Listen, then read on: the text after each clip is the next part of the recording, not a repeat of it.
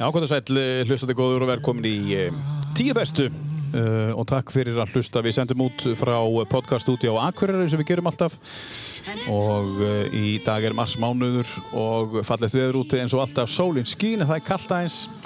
Um, við erum uh, uh, að minna á það að þú getur farið inn á psa.is og uh, setti í samband við uh, hljóðverið þegar þú vilt taka upp þáttegin hér fyrir norðan uh, og já, og uh, jafnvel halda áfram með þáttegin sem er kannski fyrir sunnan eða þá bara byrja hér fyrir norðan ef þú ert hérna fyrir norðan um að gera. Það komið fullkomið stúdíó hér upp á Akureyri. Svo það kostendu þáttarins uh, fyrst má nefna Dressmann uh, á Íslandi. Við þekkum Dressmann kellega fyrir.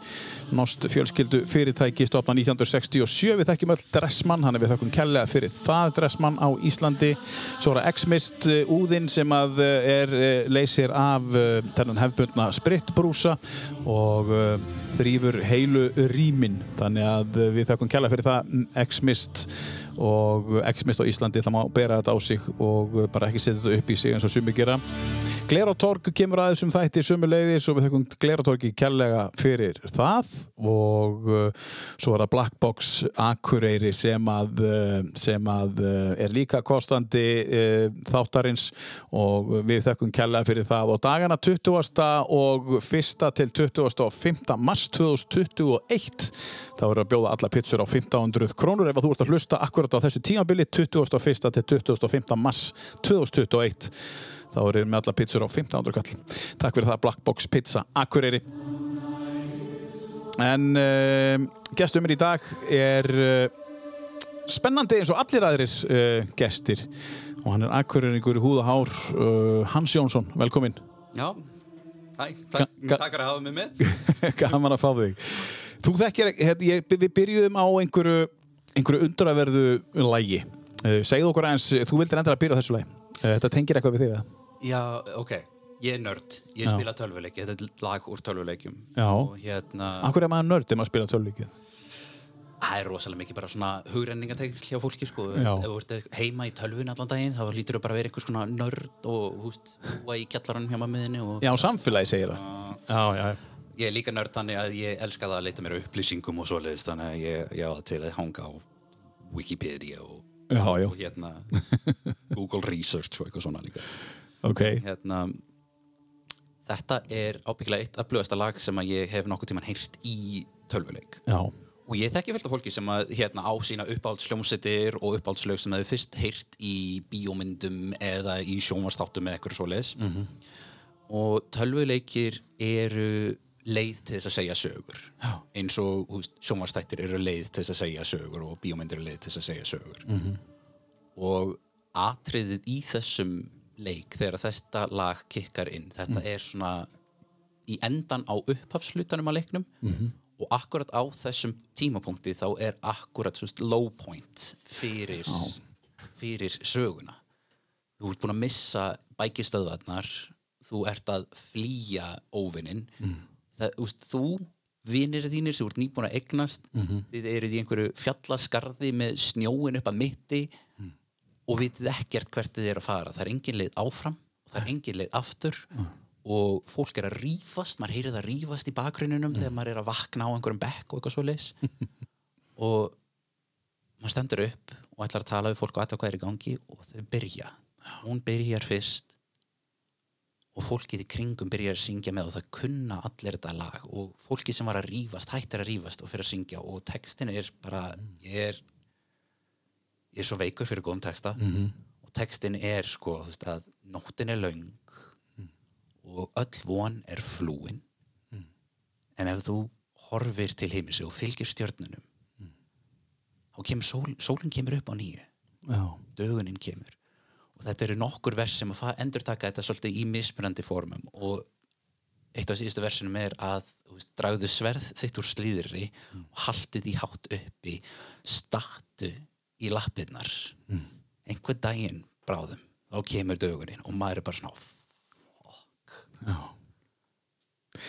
Er, er, vissuru af þessu þegar þú spilaðir að þetta kæmi? nei, Þannig að þú varst alveg óviðbúin. Já, og, og ég er örki og ég bý á alveg leigumarkaði af því að það er ekki annað í bóði í augnablikinu og svona þannig að ég á það tilsöndum að upplifa mig svolítið eins og ég hafi takmarkaða stjórn á mínu eigin lífi og takmarkuð völd inn í eigin lífi eins og gengur og gerist. Og svo fer maður inn í þessa sögu og það er allt í fokki. En sólinn kemur aftur upp á morgun. Hvaða leikur er þetta? Dragon Age Inquisition þetta er þriðji þátturinn í seríu. Það er fjóraði þáttur á leiðinni. Já. þannig að ég er pílinn svona Er þetta bara eins og í, á Netflix fyrir þig? Svolítið, já Já. Uh, ég vísu ekki búin að horfa á sömu seríun á Netflix jafn oft eins og ég er búin að spila þessa, alla þessa seríu En sko, aftur hver er munurinn að vera nörd? Þú veist, er, er maður ekki nefn mikil nörd ef maður býður eftir einhverju seri á Netflix fyrir að spila hana? Þú veist, er maður þá ekki bara Netflix nörd? Já, það, veist, er til bíómyndanördar Já. það er til uh, sjónvastáttanördar það er til leikjanördar það er rosalega mismunandi tegundir af nördum það er oft talað um þetta að hafa sértækt áhuga mál sem að hérna, svona, kall, kalla til mann, nær til manns Já. það er svolítið einn af þessum hortsteinum þess að vera nörd Já. Þannig að þú ert nörd og þú bara, það er bara frábært. Já, ég líka, þú veist ég er akkur þessi típa af nörd sem er rosalega veikur fyrir öflugri sögu og veist, ég, þegar ég spila leiki þá er ég ekki að vera að gera þá erfiða fyrir mig ég, ég set difficulty eins lágt og ég mögulega kemst upp með og já til jafnvel að Svindla. Opna konsólið í, í Fallout og eitthvað svoleiðis bara ég ætla ekki að dreipast, ég ætla bara að hlaupa um og hlusta á fólk Sendir eitthvað, er einhver sem kann hérna, veist, og færið eitthvað. Google, Google. kann allt En segðu okkur aðeins hérna meira frá þér, uh, þessu nördi já, uh, sem býr á Akureyri. ég, ég fættur upp alveg á Akureyri Já. og hérna ég er transmaður þannig að þegar ég er hérna á Akureyri til að byrja með þá er ég í hvern hluturki og hérna fyrir gamla barnaskólan á Akureyri og svo leiðis og alltaf verið svolítið svona introvert og, og svolítið ör og svolítið fljótfær og svolítið gríðalegt magna af ADHD og fyrir utan það ég náttúrulega ég rétt slefa í 1.90 sko.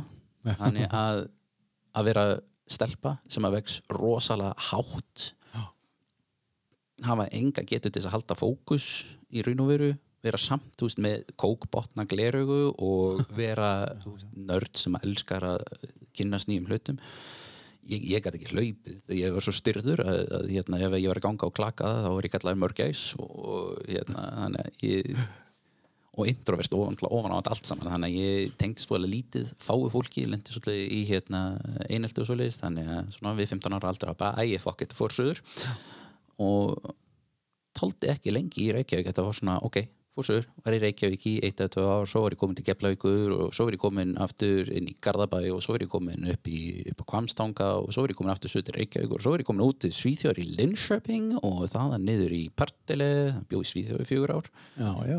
og Það er hérna á, aldrei sögurnar maður. á þessu tímabili þá náttúrulega á ég uh, barni mitt sem að mér er verulega andum og er orðið núna áleika hátt og ég og ég gaf ekki lifi fyrir því og hérna þetta, þetta, hún var, þetta var fullorðin manneskja og ég bara ég tók augun af barninu mín í fimm mínútur og nú er bara fullorðið fólk á heimilinu og hérna Hvað er hún gömul? um, hann er Hann, hann, shit, hann er að verða tvítugur í ár Já. 2001. Jep. Uh, þannig að við komum heim svona rétt í tíma til þess að hann byrja í barnaskóla aftur heim til Akureyrar Já. Byggum hérna brekku sníillin aftur í gamla húsin og hotnin og þingull og þorunarstæti Já. sem er pínu lítið finnst mér að vera syndbúð að íðalega garðin þar núna Já. Já, Er það með dökku glukkonum? ég veit ekki Nei.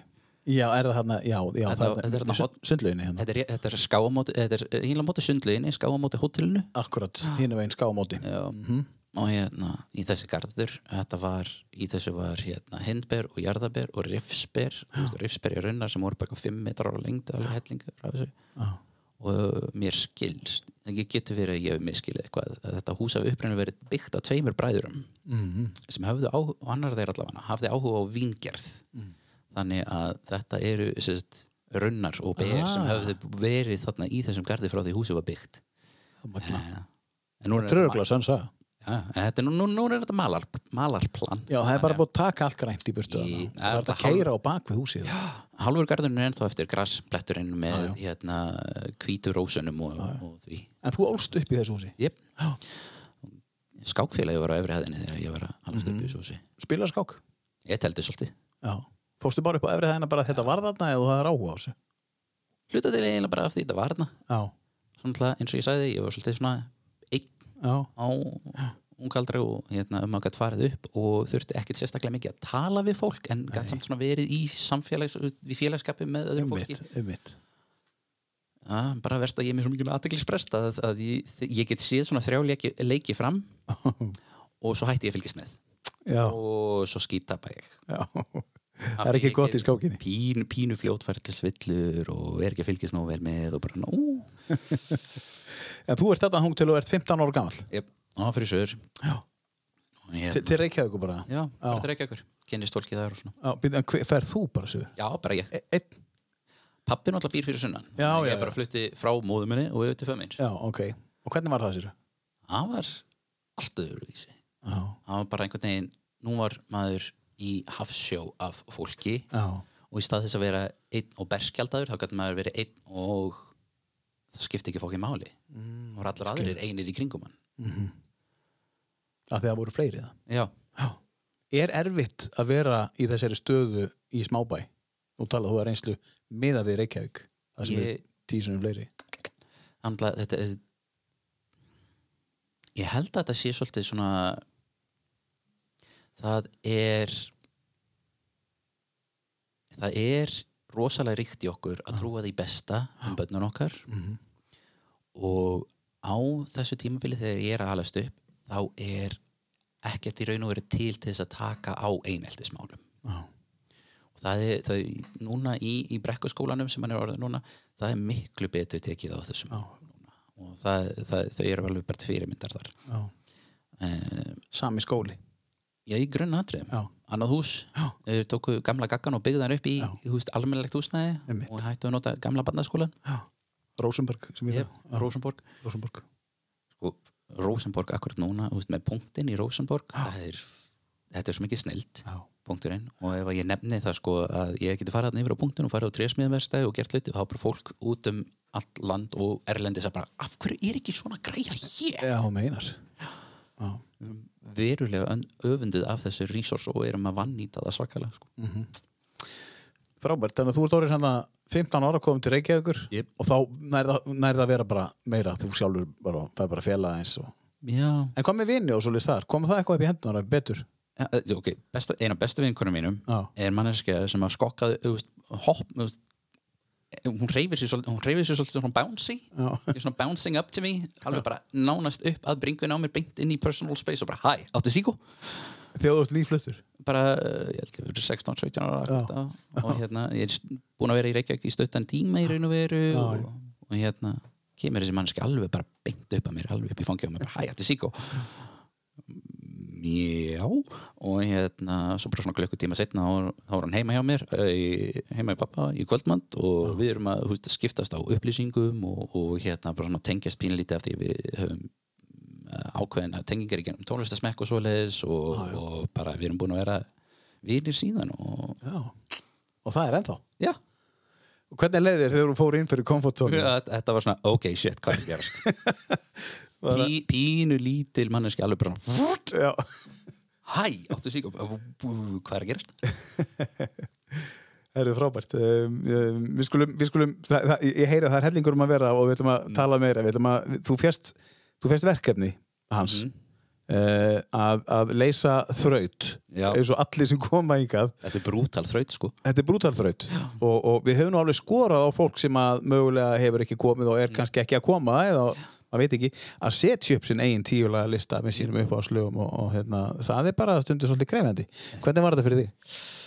ég held að einhvers þar á milli 1 og 200 lög hafi dottið inn út af þessum lista í vinslu Já, þú fjast tíma þess að minna ég fikk tíma og, og ég minna fólk fær sinn tíma þú minna, ég, við byrjum bara, hvað viljið þið gera hvað viljið þið fá langan tíma og, og, hérna, og eitthvað og, og hérna, fólk fær sinn tíma Jep. það var eitt sem er að koma hérna á morgun Mhm. Sem að, uh, já, heyrðu, ég átti að senda listan og hann sendi mér listan innan, sko, tekja mér hann shit já, og bara þetta er listin það, er alveg með sko. Það hluti af þessu vandamáli hjá mér er að ég á ekki uppáhöld almennt. Nei, þú átt ekki upp á alveg lögum En það hlusta, hvað hlustar á? Vá, ok, uh, það er bara uh, rosalega breytt. Ég setti þarna inn í ára lista þetta kvót sem að ég sá í tísti að bara tónlistasmekkurinn minn er afskaplega einföldur. Ég er hrifin af öllu nema því sem ég er ekki hrifin af. Ah, mjög gott. Þannig að ég, Þú ég hleypur öllu aðrir já, pröfa allt allavega einu sinni, sko. Ef einhver kemur með einhver tónlistastíl og segir herri, ég ætla að leifa þér að heyra þetta, þetta er bara dauðarokk. Segir bara, já, leif mér að heyra, eða segir bara já, þú gerir Það það. þú veist, ég hef hlust á svolítið döðrocki uh, bara alveg frá Cradle of Filth ég er rosalega erfitt með að muna nöfn. Já, já, já, þannig að þetta er út jafnóðum svolítið. Og svo, þú veist uh, Tiger Lilies hlust á það, það náttúrulega er svakaleg steipa stundum. Mhm. og uh, svo er ég með á þessum lista veist, hérna allavega eitt lag sem er svona steampunk lag og þú veist, það er fullt af indie tónlist uh, það er podcast sem ég hef hlustað á sem heitir hérna, Welcome to Night Vale og það er alltaf það, The Weather er alltaf eitthvað lag og það er eitthvað svona random lag sem einhver lítil hljómsett hefur sendt þeim eða veist, þeir eru eitthvað sem þeir þekkja eða eitthvað svo leist, þannig að það er alls konar verulega mismunandi tónlist sem er dottið þar inn og ég er bara svona, já þetta er cool. Já, og þeir kynna tónlistin og þá veistu hvað Nei, þetta nei, Þeir það bara kemur í hérna Já. show notes á endanum sko. Já, já, já, Það er já, bara, já. uh, kyn, þetta er svona sett fram eins og svona útvarstráttur í einhverju ævintýraverð, eða ekki meint ævintýraverð, þetta er svona ónefndur bær, eða, þú veist, hann heitir Night Vale bær Mhm. í Eidimörk í miðjumadaríkjunum Mm. og hlutir sem gerast þarna eru svona svolítið Twilight Zone, svolítið Mm. uh, American Gothic og svona undarlegur sögur og eitthvað svoleiðis, þetta er svona svo í fyrsta þættinum hann kynir hann hérna A new dog park has opened og eitthvað svo leiðis og er að tala um þennan fína nýja hundagarð og svo segir People are not allowed at the dog park. Dogs are not allowed at the dog park. You may see hooded figures in or around the dog park. The hooded figures will not harm you. The dog park will not harm you. Eitthvað svo leiðis og maður bara svona, ok og, and now the weather og það allt í henni bara tónlist Hvað sagði þessi þáttur í því? Welcome to Night Vale Þetta, er geggjað þetta, Já, ég mæli ég er endur það. með þessu Þetta er eitthvað, vel yfir 100 þættir komnir af þessu núna, sko er ég ætla samt að segja eitt Mm. Þú voru hérna bara við með hérna hérna beitt fyrir hann mig Hefur einhvern tíðan gert eitthvað svona voice-over dæmi? Þú með þannig rödd, sko Hefur tekið svona radio eitthvað? Nei, Hefur einhver satt það við þar? ég hef heyrt að pínu lítið Já, þú ert með svolítið svona, þú ert með mjög djúsi flotta Það er ekkert mixað hérna. Nei, Þetta er bara, þetta er, þetta er bara röddin já. Og, og ég sá að þú fórst svolítið niður í og sóttir hana þegar þú Þannig að þú getur gert þetta. Já, já Það er ekkert allir sem geta þetta. Nei. Eh, Ég er líka, eitt af því sem á mikill leikur ég á sex sískinni, við erum Já. talsverður hópur. Og ég og yngri sýsti mína tvær og eldri bráðum minn sem er næstu frá tíu árum eldri en ég. Eitt af því sem við gerðum svolítið mikið uh, bara sem krakkar var að kópía rattir úr sjóvarpinu mm. þannig að við getum farið með allt introið til dæmis í Brakula greifa í Já. réttum röttum Og þó þú byrja að stemma og þá þarfst að setja þig í einhvern gýr þú gerir að já. þú ert að fara hérna niður og þú ert að og beita fara, röddinni fara, yfir í, fara yfir í nönnu og taka Ég skal sækja það og gerir þetta aftur og aftur. Jep, Veist. Stúdíó Sýrland er alltaf að leita röddum Já, kannski. Það vantar eitthvað svona fyrir norðan einhvern svona stökkball Jep. Lesa auðlýsingar eða eitthvað? Það er líka til eitthvað á netinu eitthvað þar sem maður getur svona gert stuttaluti ég man ekki hvað Já, Ég bara voice.com eða eitthvað svolítið Herðu, uh, við ætlum að uh, vinda okkur í þennan, þennan krefjandi lista en og þú ert með tíulaga lista. Um, Og ef þú gefur mér hálft ár þá kannski ekki komin tíulega lista aftur sem er allt öðru sem engum öðrum lögum. Já, já, með einhver allt öðru. Þetta er það sem þú ert að hlusta á núna. Já, Það- já og tengi svolítið við akkurat í samhengi núna. Já, já, já. Segð okkur á hverju þú vilt byrja, Hans. Ekki bara, Nei, ekki, ekki þessu. Nei Er það ennþá í gangi? Já, þetta er hérna á- þetta er hérna á. YouTube. En það er ekkert klift hérna, sko þetta er, bara, þetta er bara lífið Ekki bara byrja á Led Zeppelin sko Já, hvað, hérna, af hverju er þetta lag með lett Nú eru er þeir búin að gera endalust Já. Þessi bassalín Þetta er kannski bara ástæðan. Það byrja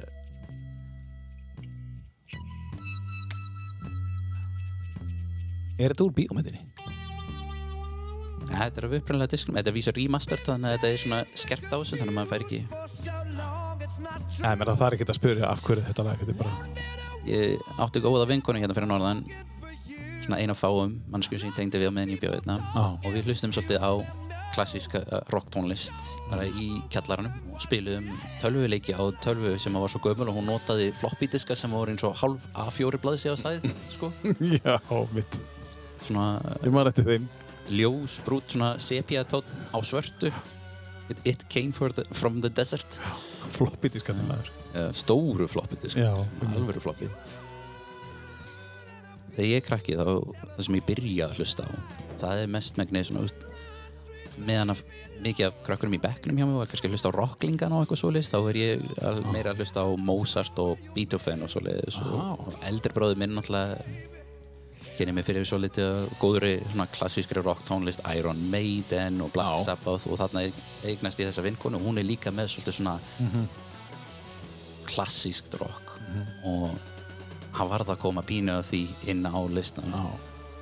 og þetta, þetta er eitt af bestu lögunum með Led Zeppelin mér Já. það er bæði það að hann beiti röddinni svolítið eins og hljóðfæri og líka það hvernig þetta tekur svona toppa og dali og þessi djúpa bassalína maður bara fær svona goosebumps Ég heyri það að þú hlustar, yeah. þú, þú, þú, þú heyrir tónlist. Þú hlustar ekki bara á hana. Þú heyrir hana. yep.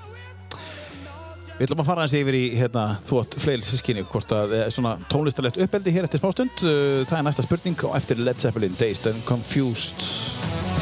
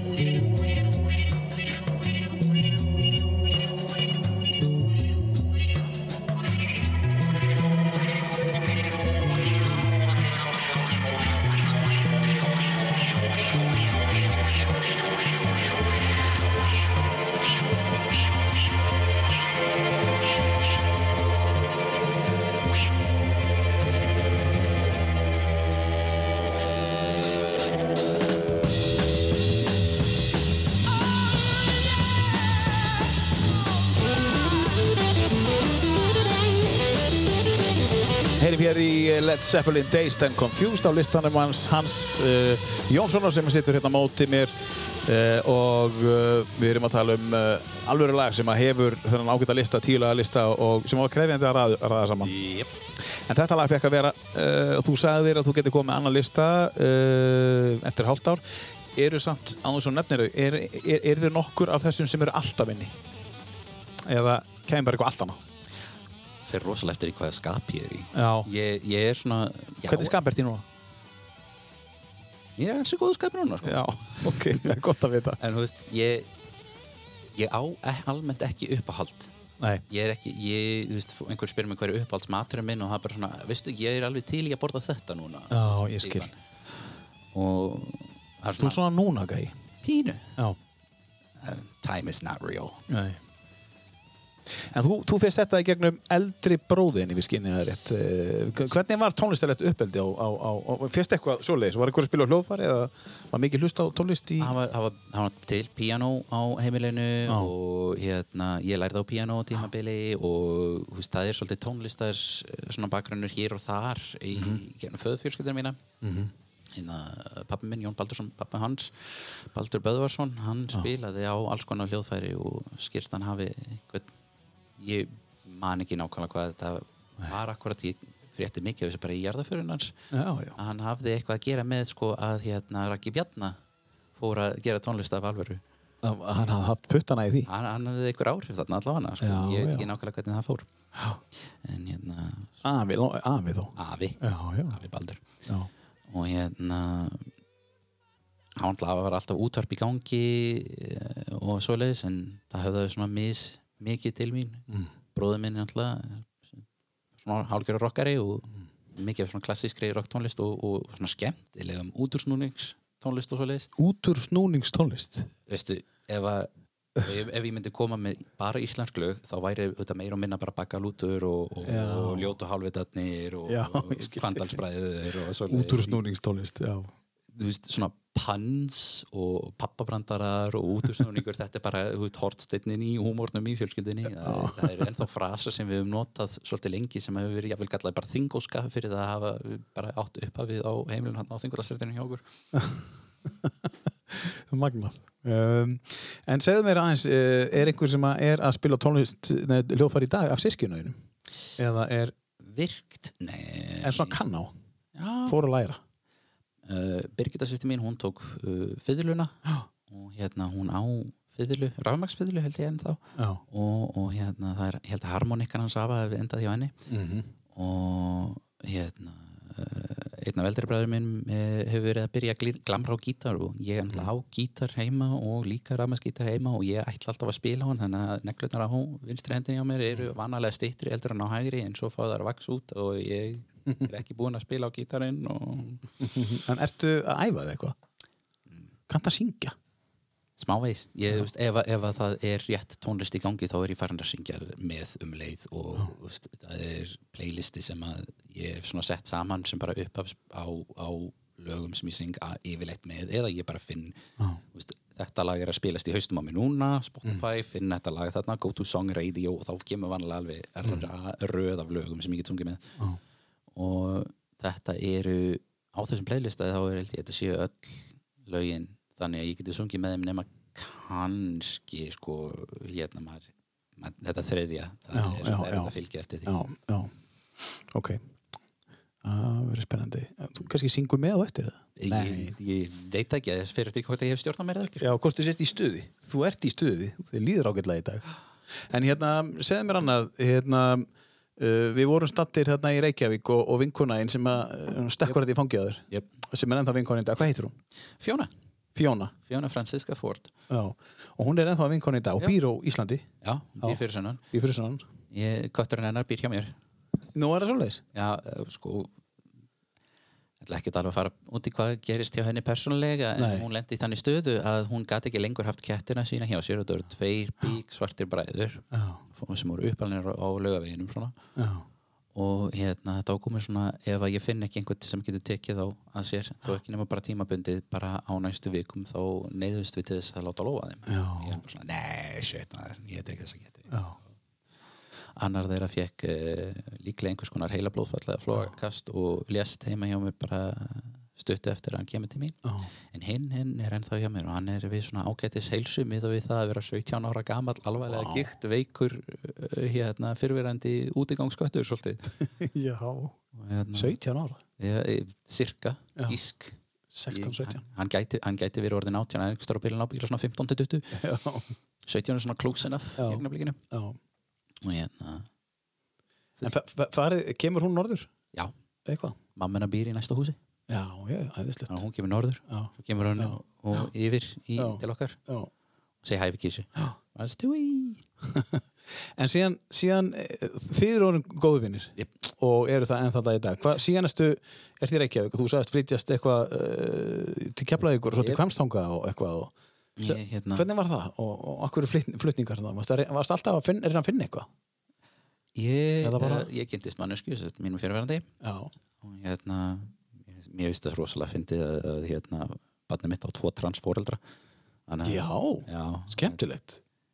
eh, verið, verið eitthvað sem við tengdum við, við hvert annað Já. og vorum kannski ekki alveg komin á þann stað að vera meðvituð um það hvað það var sem við vorum að tengja við þess vegna sko. Mm Það er Það- aðteglisvert. það, er, það er rosalega aðtöklisvert með, með transfólk svolítið að hérna, það er oft sem að maður er að uppgöta það svona setna meir að já, shit, fullt af fólki sem að ég var vinur við en veist, Mm. maður kannski var ekki alveg með á reynu af hverju við vorum svona að laðast rosalega mikið að, í áttina að hverjast öðru jafnvel ef að veist, við veitum ekki alveg hvernig maður að skilgreina þessa aðlöðun og eitthvað svo leis að bara já, ok. Að vegna þess að við könnuðum svolítið við þessi, þú veist óþægindi sem vorum að burðast með í hvert öðru þannig að við fundum svona ákveðna speglun Já, ég skil. og þetta er Hvað varstu gamall? já, svona rétt um 16-17 ára þegar ég er að flytja til Keflavíkur rétt að nálga 17 ára Hvenær er, er það sem þú átt að vera á þessu?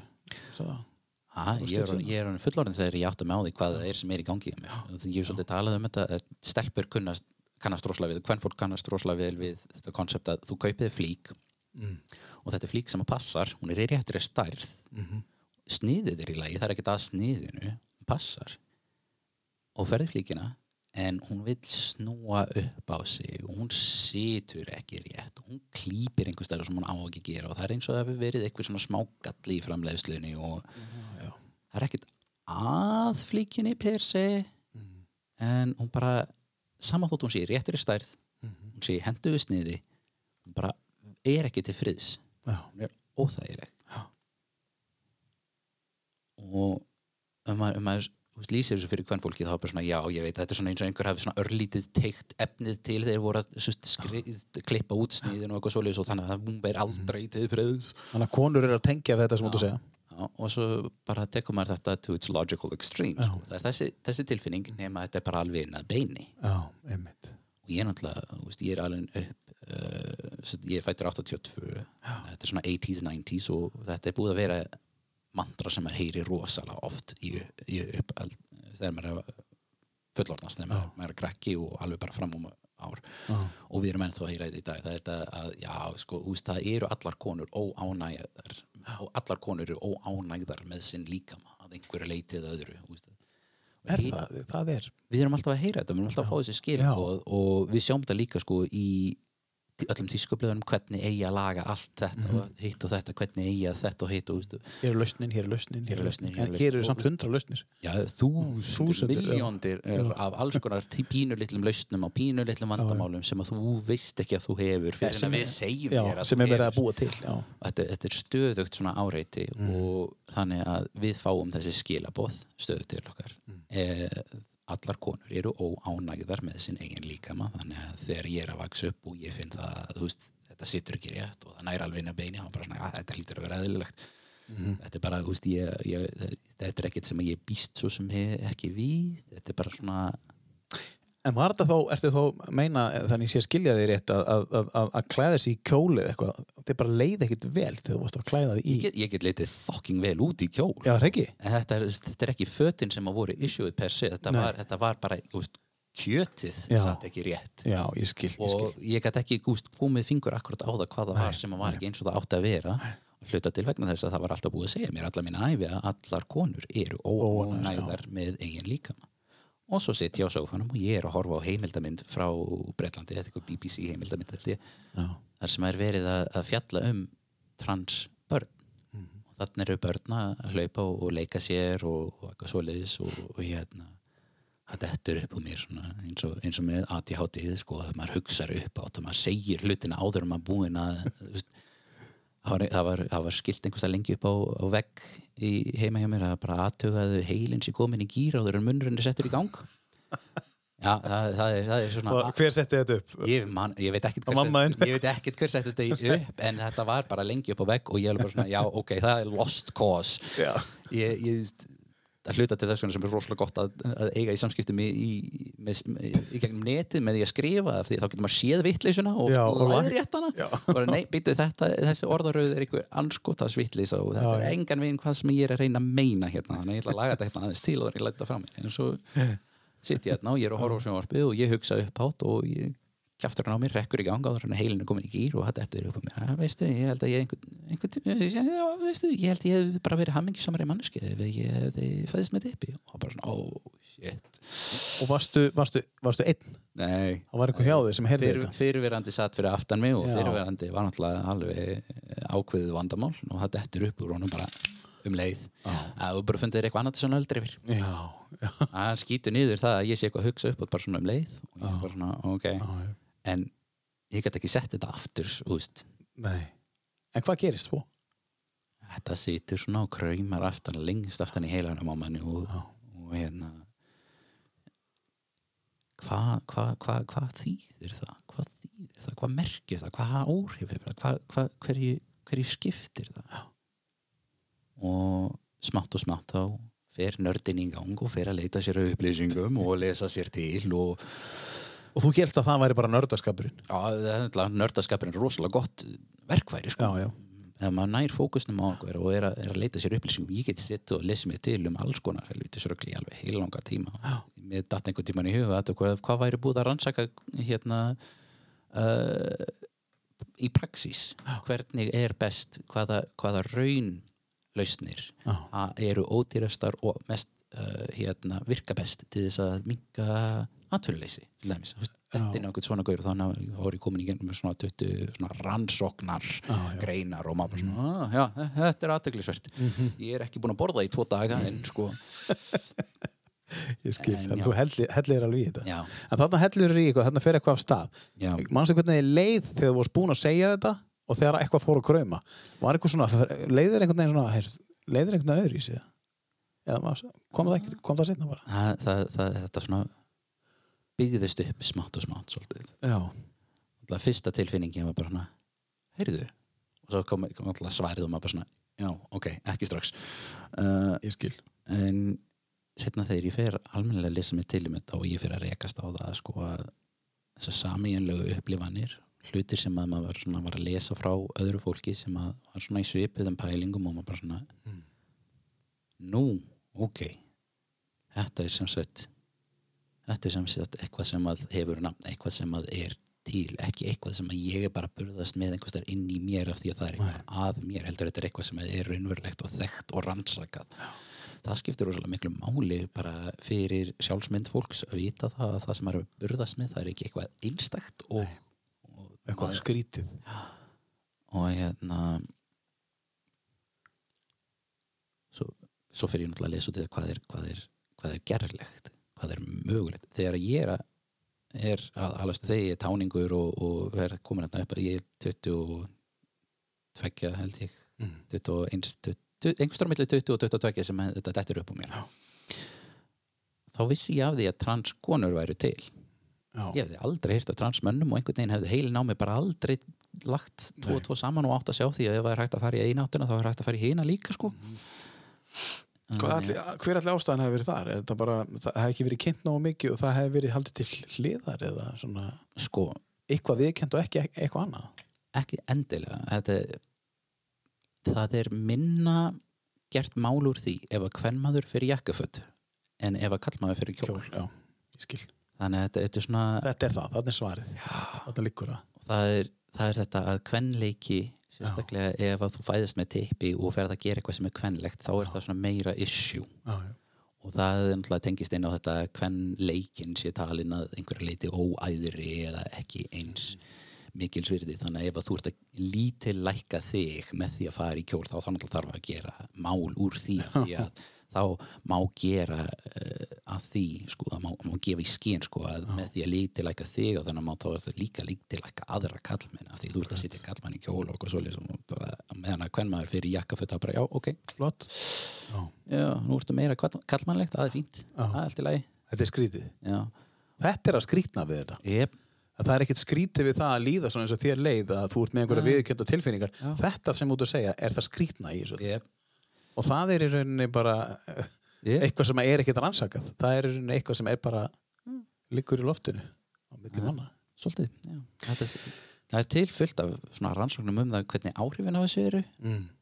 en hvað veldur með beinum hætti það náttúrulega er, þetta er svona sjálf uh, nei ekki sjálfskapa þetta er svona uh, vicious circle Mhm.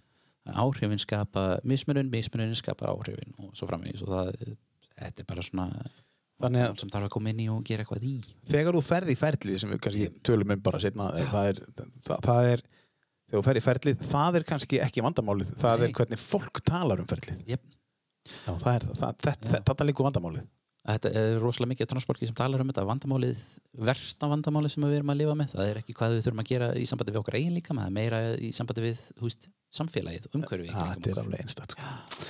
Samfélagi má fara að taka sjálf, það er þannig Herri, við skulum henda í, í gott lag bara núna og, og hérna, það er ekkert smá lag hérna núna. Þetta er þetta er tekið að plötunni Siamese Stream og fyrir þá sem eru ekki hljómsveitina að vita hvað, hvaða plata þetta er, Harlow Tæru segðu okkur eins og þessu.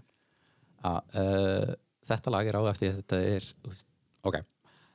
Um, ég fyrir svolítið að hlusta á Smashing Pumpkins svona áður en ég fyrir söður og held áfram eftir ég komið söður og ég vaknaði við uh, uh, eina af setni diskunum frá þeim og hverjum einasta mótni þegar ég var að fara í skóla og fyrir norðan. Og það er til í heimildarmynd hérna um þessa hljómsveit. Viðtal þar sem að Billy Corgan sem að, ok, maður fréttir þegar maður er fullar en hann er kannski ekki besta típan í heiminum. Nú, ok. Nei, hann er, hann er svolítið drullis okkur hann, Já, já. hann er bara leiðinlegu fólk og svona. Já, ok. En hérna hann, á, hann er einhvers þar í þessu viðtal þar sem hann tala um sko að á þessu tímabili þá var hann massa þunglindur og veist, fólk er, það er mikil spenna og átök innan hljómsveitarinn og allir veist, eitthvað óánæðir og eitthvað svoleiðis og þarna situr hann og er að semja stupid happy songs like today. Og þetta er þetta er svolítið mitt teenage angst tímabil þar sem ég er hlusta svolítið mikið á þetta lag og ég er svo hrifin á þessu lagi að þetta er akkurat inn á þetta millitekstin í þessu veist, þarna þar sem hann er að segja I wanted more than life could ever grant me. Og svo kemur viðlagi og hann bara segja en dagurinn í dag er besti fucking dagur ever. Það er allt fucking ömulegt fuck it, það er frábært. Heyrum aðeins í Billy Corgan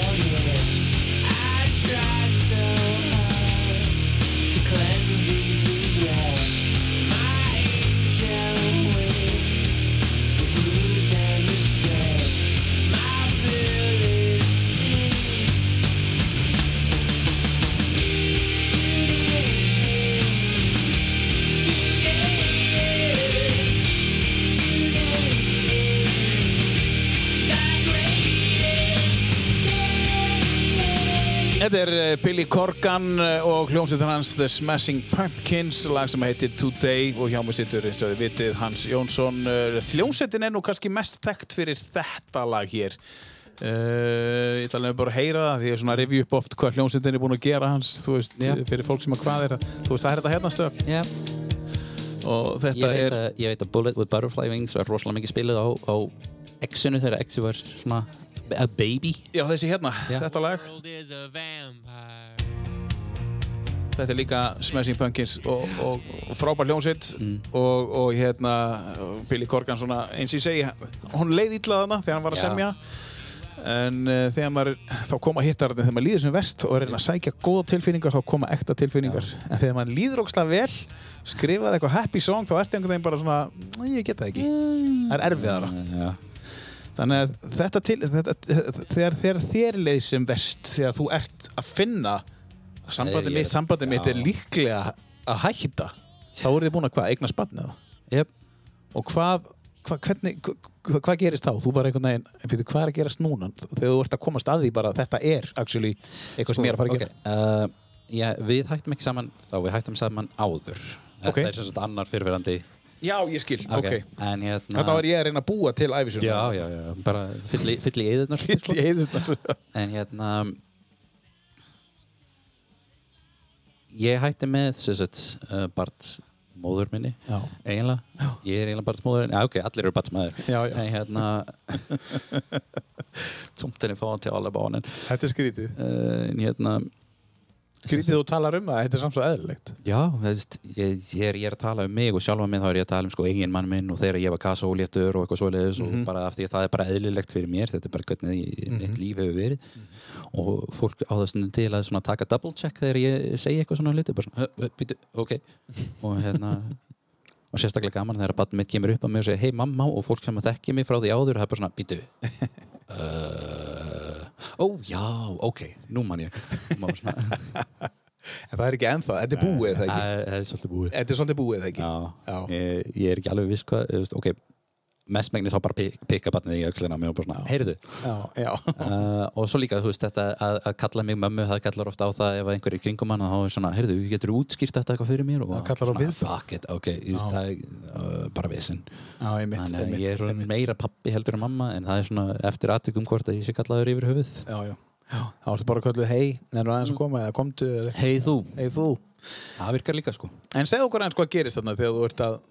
þetta, þetta, er bara að koma til þín Svolítið stert Ég, ég hætti með þáverandi af svo litið mikið öðrum aðstæðum var, þetta var ekki heilbritt samband sem voru okkur á milli og ég mig var farið að langa að komast út úr húsi og, og hérna við vorum að koma hann heim, ég og barnið mitt og þá er ég komin í það rými, andlega og líkamlega að hafa pláss til þess að fara að skoða hluti og rannsaka hluti og kenna mig hluti og þegar ég er að svona fyrst svona aðeins, svona, að, aðeins kíkja. Nei, aðeins kíkja meira. Nei. og svo enda með því að ég er búinn að sitja við tölvuna og sökka mér ofan í það að lesa mér til og ná mér í upplýsingar og skoða hvað er hægt að gera og þá svona ok, herði, ég verð að fara að gera eitthvað í þessu. Mm.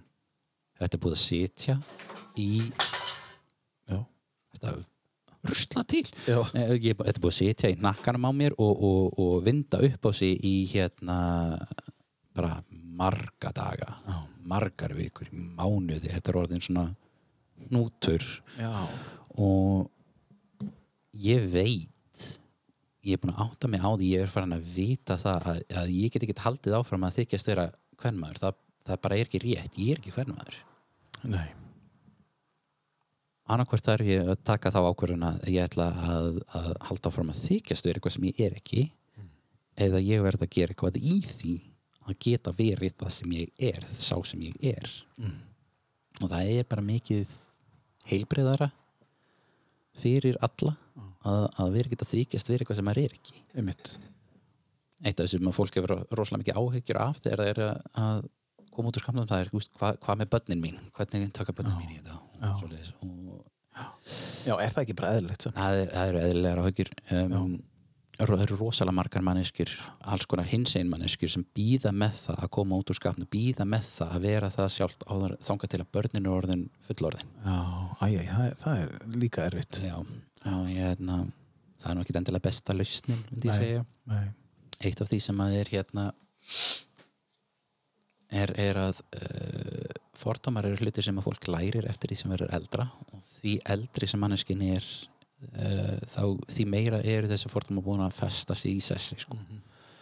þannig að rosalega oft er bara upp á heilbritt samband við börnin sín þá er oft bara betra að uh, rífa plásturinn af snemma Já, og viðurkenna sjálfan sig og vera, geta verið heiðilegu Já. gagnvart barninu sínu Já, og svo líka það að hefur upplifað það þegar að ískápurinn í, þú sittur inn í eldur og ískápurinn hættir allt í henni að suða Mhm. og maður finnur hvernig allt í henni svona losnar um spennu í kringum hausin á manni og maður bara svona, ó ég áttaði, ekki, ég áttaði mig bara einfallega ekki á því hvað þetta var hátt, hvað þetta var mikið. Ég heyrði þetta ekki, en nú þegar það er farið ú, því líku léttir. Já, Þannig að þetta er tilfinningi svona þegar, þegar, þegar ég er búin að taka þessa ákvörðun og ég er búin að ok, það er svolítið fókin brás að fá að, að fara í gegnum ferlið sérstaklega, þetta er bara þetta fyrir uh, réttum áratug síðan sem ég er að vesnaðast í þessu sko.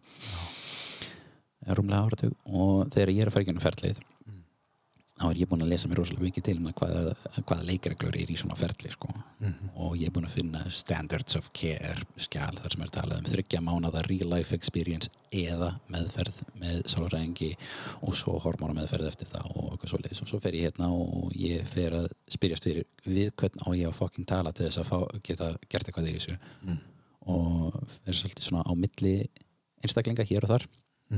Og, og, og hérna er svo að lókum benda á óttar og það tekur mig tíma að fá tíma hjá óttari. Svo fyrir ég að hitti óttar. Óttar er spes. Óttar þá. Óttar geðlegnir sem að var í raun og veru einn af því að við sannst í þessu. Á þessu tíma. Að þetta, hann er, ég er voðalega kurtis að segja hann sé spes. Já. Uh, það er svona Og þetta ekki ánæða með hann eða, eða hvað? þetta, þetta er svolítið svona Já, þú má, má, má, hafa skoðun á fólki já, sko þetta er mannski sem situr í þannig valdastöðu gagvart manni að, að hérna, ef að ég ætla að fá að vera ég sjálfur þá þarf ég fyrst að sannfæra þig um það Já, að ég viti hver ég er og ég þarf að gera það á máta sem að er eins og þú vilt heyra það Já. svolítið. Og þannig að það er ekki nóg að koma neina og segja ég veit hver ég er, ég veit hvað ég þarf að gera. Ég þarf, það þarf að uppfylla það fyrirfram ætlaða hlutverk. Já. Sem hann er gefið og það er veist, ekki bara hvernig þú átt að upplifa þig sjálfan og hversu mikið þú átt að, að sína að þetta sé að tröfla líf þitt heldur líka það að þú þarft að gangast við því að allt þitt ferli, allt þitt breytingaferli sé í samræmi við planið sem hann setur því Mm. Þannig að þú er basically búin að díla við sjálfa þig, ok, samþykja þetta, fara í gegnum það Jep. og svo ertu að fara í gegnum annan gæja yep, sem að þú þekkir ekki neitt. yep. Það, er, það er einn af þessum munum á því hvernig það er að vera trans og að vera sísmannski trans Já. og cis eru forskeiti, trans þýðir öðrum megin við þannig að þannig kemur við eins og transistor og, og svoleiðis það er þegar að hlutinir eru mismunandi. Cis er, er þegar þeir sömu megin við þeir eru eins. Cis manneski er manneski sem að upplifir kynvindun sína í samræmi við þá kyn sem því var útlutað við fæðingu. Þannig ef að það var skrifað strákur á fæðingaskýrtinni og þú upplifir því sem kallkyns þá ertu cis af því að þín kynvitund er í samræmi við það sem að því var útlutað og stó, einn af stóra mununum að vera trans og að vera cis. Ef þú ert cis þá þarf þú ekki að hitta svona þrjá til fimm eh, fagmentaðar einstaklinga. Lækna, geðlækna lítalækna og svolis og þurfa að sannfæra hverja einu og einustu mannesku um það að þú vitir hvort að þú sért kallmaður eða kvenmaður. Eða hvað þú ert yfir höfuð. Þú þarft ekki að sannfæra fullan hópa af ókunnum fólki um það að þú þekki sjálfa þig nóga vel til þess að vita hvað þú ert. Nei. en ef þú ert cis eða trans segja, ert trans Já.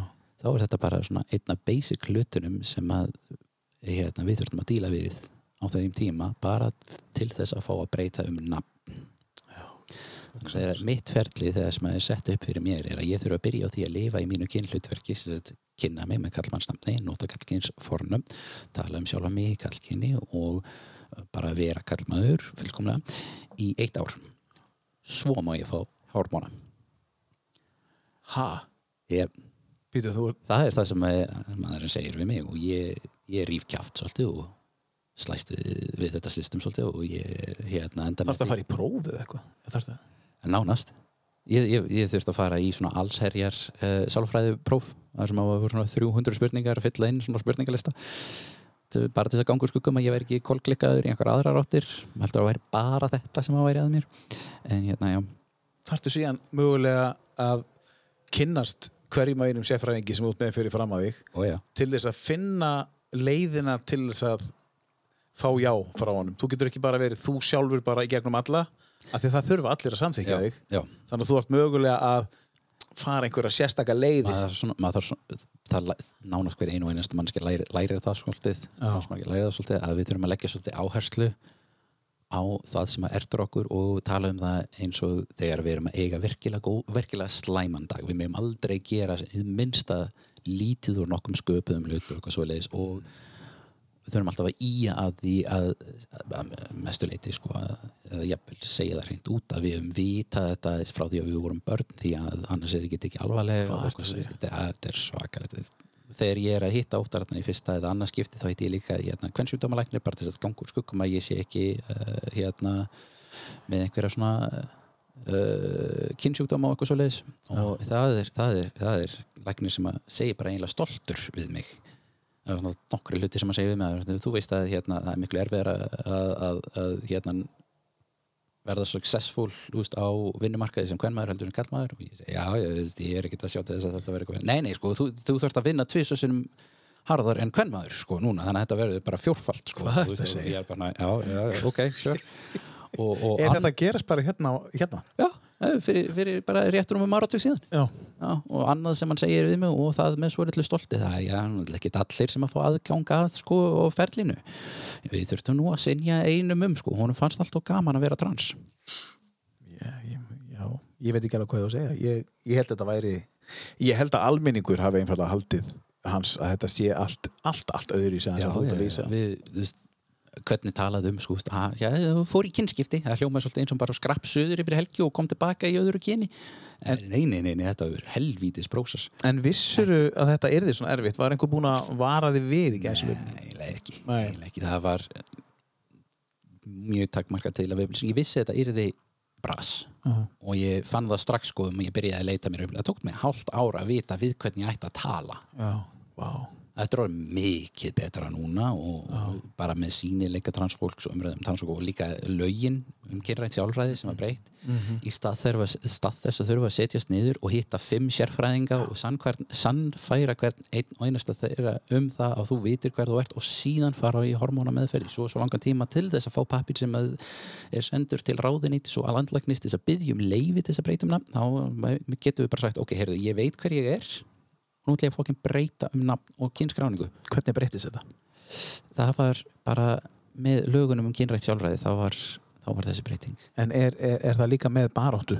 já, já. ég þekki fólk sem kom að því að skrifa þessa hérna, þetta frumvarp þetta er rosalega mikið byggt á lögunum í, á Möldu Já, já.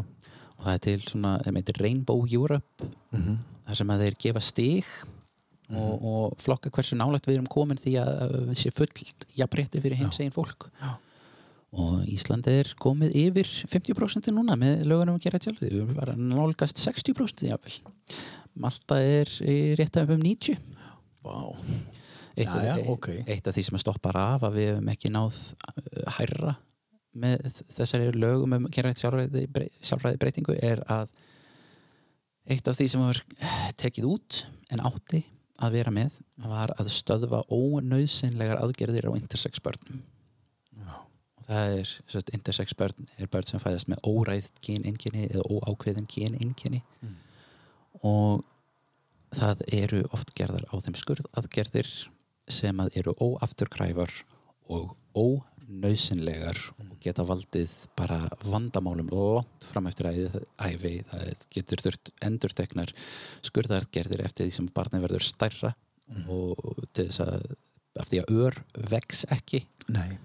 og, og hérna þetta er viðsvegurum heim farið það bara viðurkennandi sem bara gróf mannréttindabrót á líka með unga barna. Já, þetta er, við erum að tala um unga bönn. já, Já. þetta er ennþá löglegt. Já, já. það er ekki búið að stoppa þetta, það átti að stoppa þetta en það var klift út uh, Það er ennþá verið að gera þetta. ja, þetta, er ennþá, þetta er ennþá verið að gera þetta. Sumstæðir í heiminum þá hafa fóreldrar ekki einu sinni fengið viðvörun. Nei. Bara, þó Þetta bara barni í hendurna bara, já. Og þetta er búið. ég, eh, við erum búin að laga barnið þitt. Við erum búin að og laga það er líka þannig að, að hérna, þegar, þegar þetta uppgötvast við fæðingu þá kemur læknirinn oft með barnið og segir já, hérna, við þurfum eiginlega að, að ræða svolítið, hér er sko vandamál Já, rosa vandamál. það er rosa vandamál sem þarf að laga. Þetta getur orðið barninu til svo, svo rosalega mikils ama. Já. og það sem er átt þá við er að getur orðið fyrir stríðni eða einelti í skóla. Ekki það að þér sem við tala um úst, gróf líkamlega vandamál. Nei. og hérna þannig að þú ert oft bara nýbúin að fæða barn liggur döðþrættur upp í rúmi og læknirinn kemur til þín og segir heyrðu, við þurfum að laga svolítið. Þetta er svolítið vandamál hérna. Ertu ekki bara til í að kvitta undir svo við getum bara að laga þetta í kvelli Já. Sem er bara predatorisk hefðin. Já. en Herði, já, við, við, við ætlum að koma inn á eitt sem ég tengi við þessu umræðu hjá núna, ég ætla, ég ætla að koma inn á það eftir. Það er, það. er baróttu maður ég er. Og við ætlum aðeins að koma inn á baróttu eh, hliðinaður og, og þú ert uh, þú bauðst þér fram til alþingis fyrir nokkur mánu síðan, mér langar aðeins að ræða þá eftir þó þetta sé ekki pólitísk umræða. Uh, tökum eitt lag, Hans. Um, er þetta lagi sem að þú átt erfitt með að syngja eða býtu varð um, ég næ ekki alveg nægilega langt niður nei, til þess að eðlilega. með þessu. Ég- út af þessu hérna gæja Já, shit, ég held að, ég held að þessi afskaplega fáar mannsku sem ná niður í þann, þann En þú kemst svolítið langt niður, ekki? uh, Svolítið Já. En þú kemst ekki niður til Nick Cave? Nei, nei, það er ekki sjens Kemst þú niður í Nick Cave? Nei, ekki séns. Sjens. Við ætlum að heyra þessi í uh, Nick Cave og The Bad Seeds. Þetta er uh, right, uh, Red, Red Right, Right Hand. Úr einhverju, þetta er úr einhverju bíómynd. Þetta hefur verið í nokkrum bíómyndum Þetta var í, ég held að við fyrst hýrt þetta í hérna X-Files Exiles, já. Exiles. Já, eðslegt. Heyrum aðeins í Nick Cave og hljósundar hans The Bad Seeds. Coming wise, yeah, man, you know you're never coming back. Across the square, across the bridge, past the mills, past the stacks. gathering storm comes a tall, handsome man in a dusty black coat with a red right hand.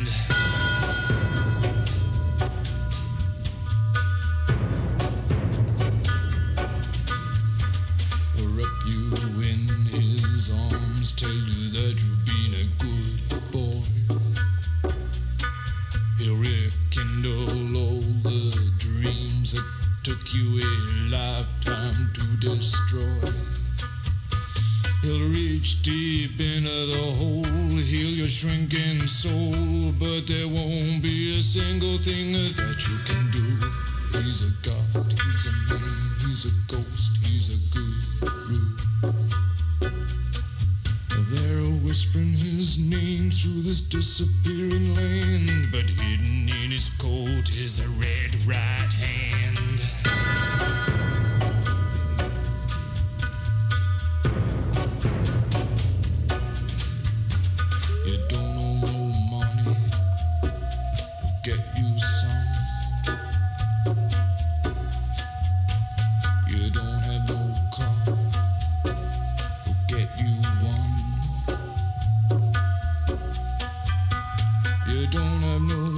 No self-respect, you feel like an insect. Well, don't you worry, buddy, cause here he comes uh, through the ghettos and the barrio and the barry and the slum.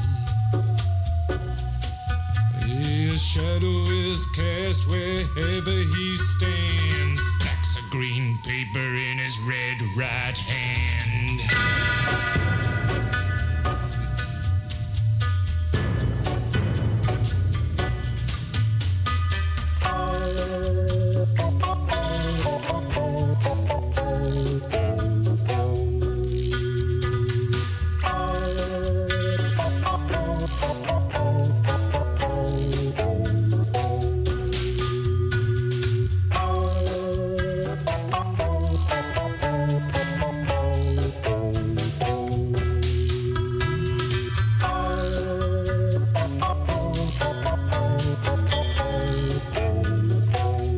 Heyrim hér í um, Nick Cave and the Bad Seeds lag sem heitir Red Right Hand af tíulaga lista hans. Hans Jónssonar sem sittur hérna hjá mér uh, við vorum að fara yfir ferlið að vera transmaður á Íslandi og uh, við ætlum að uh, halda áfram með þá umræðu. Við ætlum að fara hans yfir í baráttumannin hans. Ég veit, ég veit að það er er, þú, þú best fyrir jafnbretti Já, og eins og allir en sko þú fer, tekur það ekki svolítið aðeins lengra en kannski flestir eða þú, þú, þú ert virkur uh, ég, það hefur alltaf verið kjaftur á mér sko Já. og það endaði með því ég er kjaft náðu mikið til að enda í pólitík Já, en, en það, það blundaði aldrei þig, þú varst lít, lítill? Nei. Nei.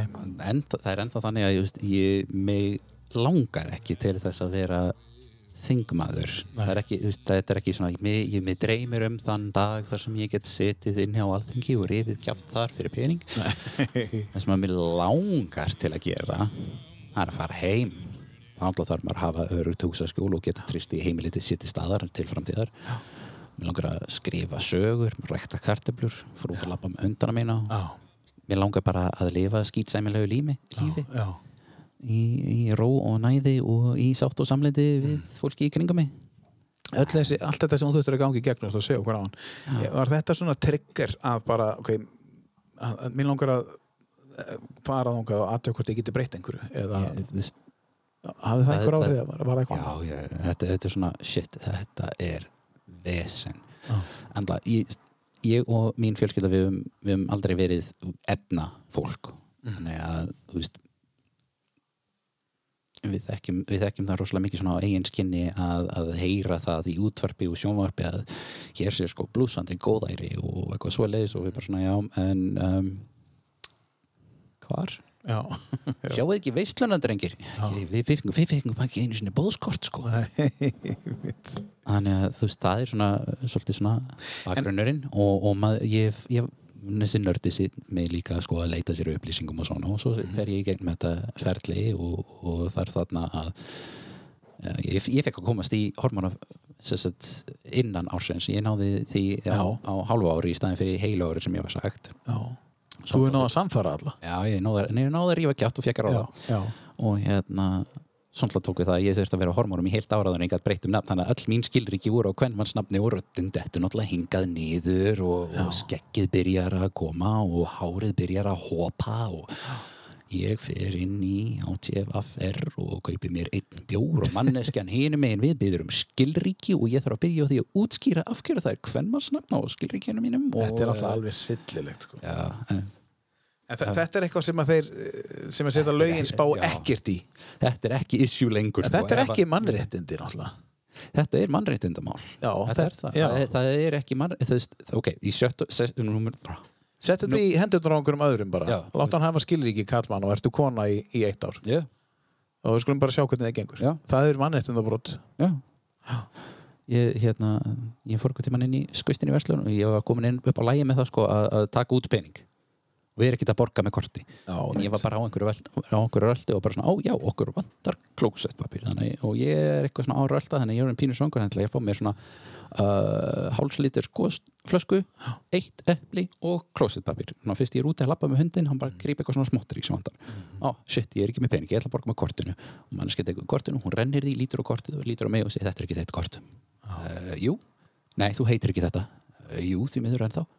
þetta er ólöglegt, ef þú gerir þetta aftur þá ringi ég á svona uh, Þú varst bara skammaður. Já, shit maður, ef ég ætla að stela kortinu ef ég veit ekki, sýstu minni þá ætla ég ekki að fara að eyða í Klósettpappír og og eitt epli. Það er bara, já, gríðarlega fjársöka starfsemi hérna, heill pakki af Já. bara átta rúllur af klósettpappír og eitt epli Já, og ekki gleyma, ein lítil góstós ein, ein, ein skóðslega sko, kók, En þetta er alveg einstakt þetta er, þetta, þetta, En þetta er ekki lengur í dag. Nei, þe- Þessi hefur verið breytt og, og hérna Það er þess vegna sem þessi lög sko, um kynrætt sjálfræði eru svona mikilvæg bara að Já.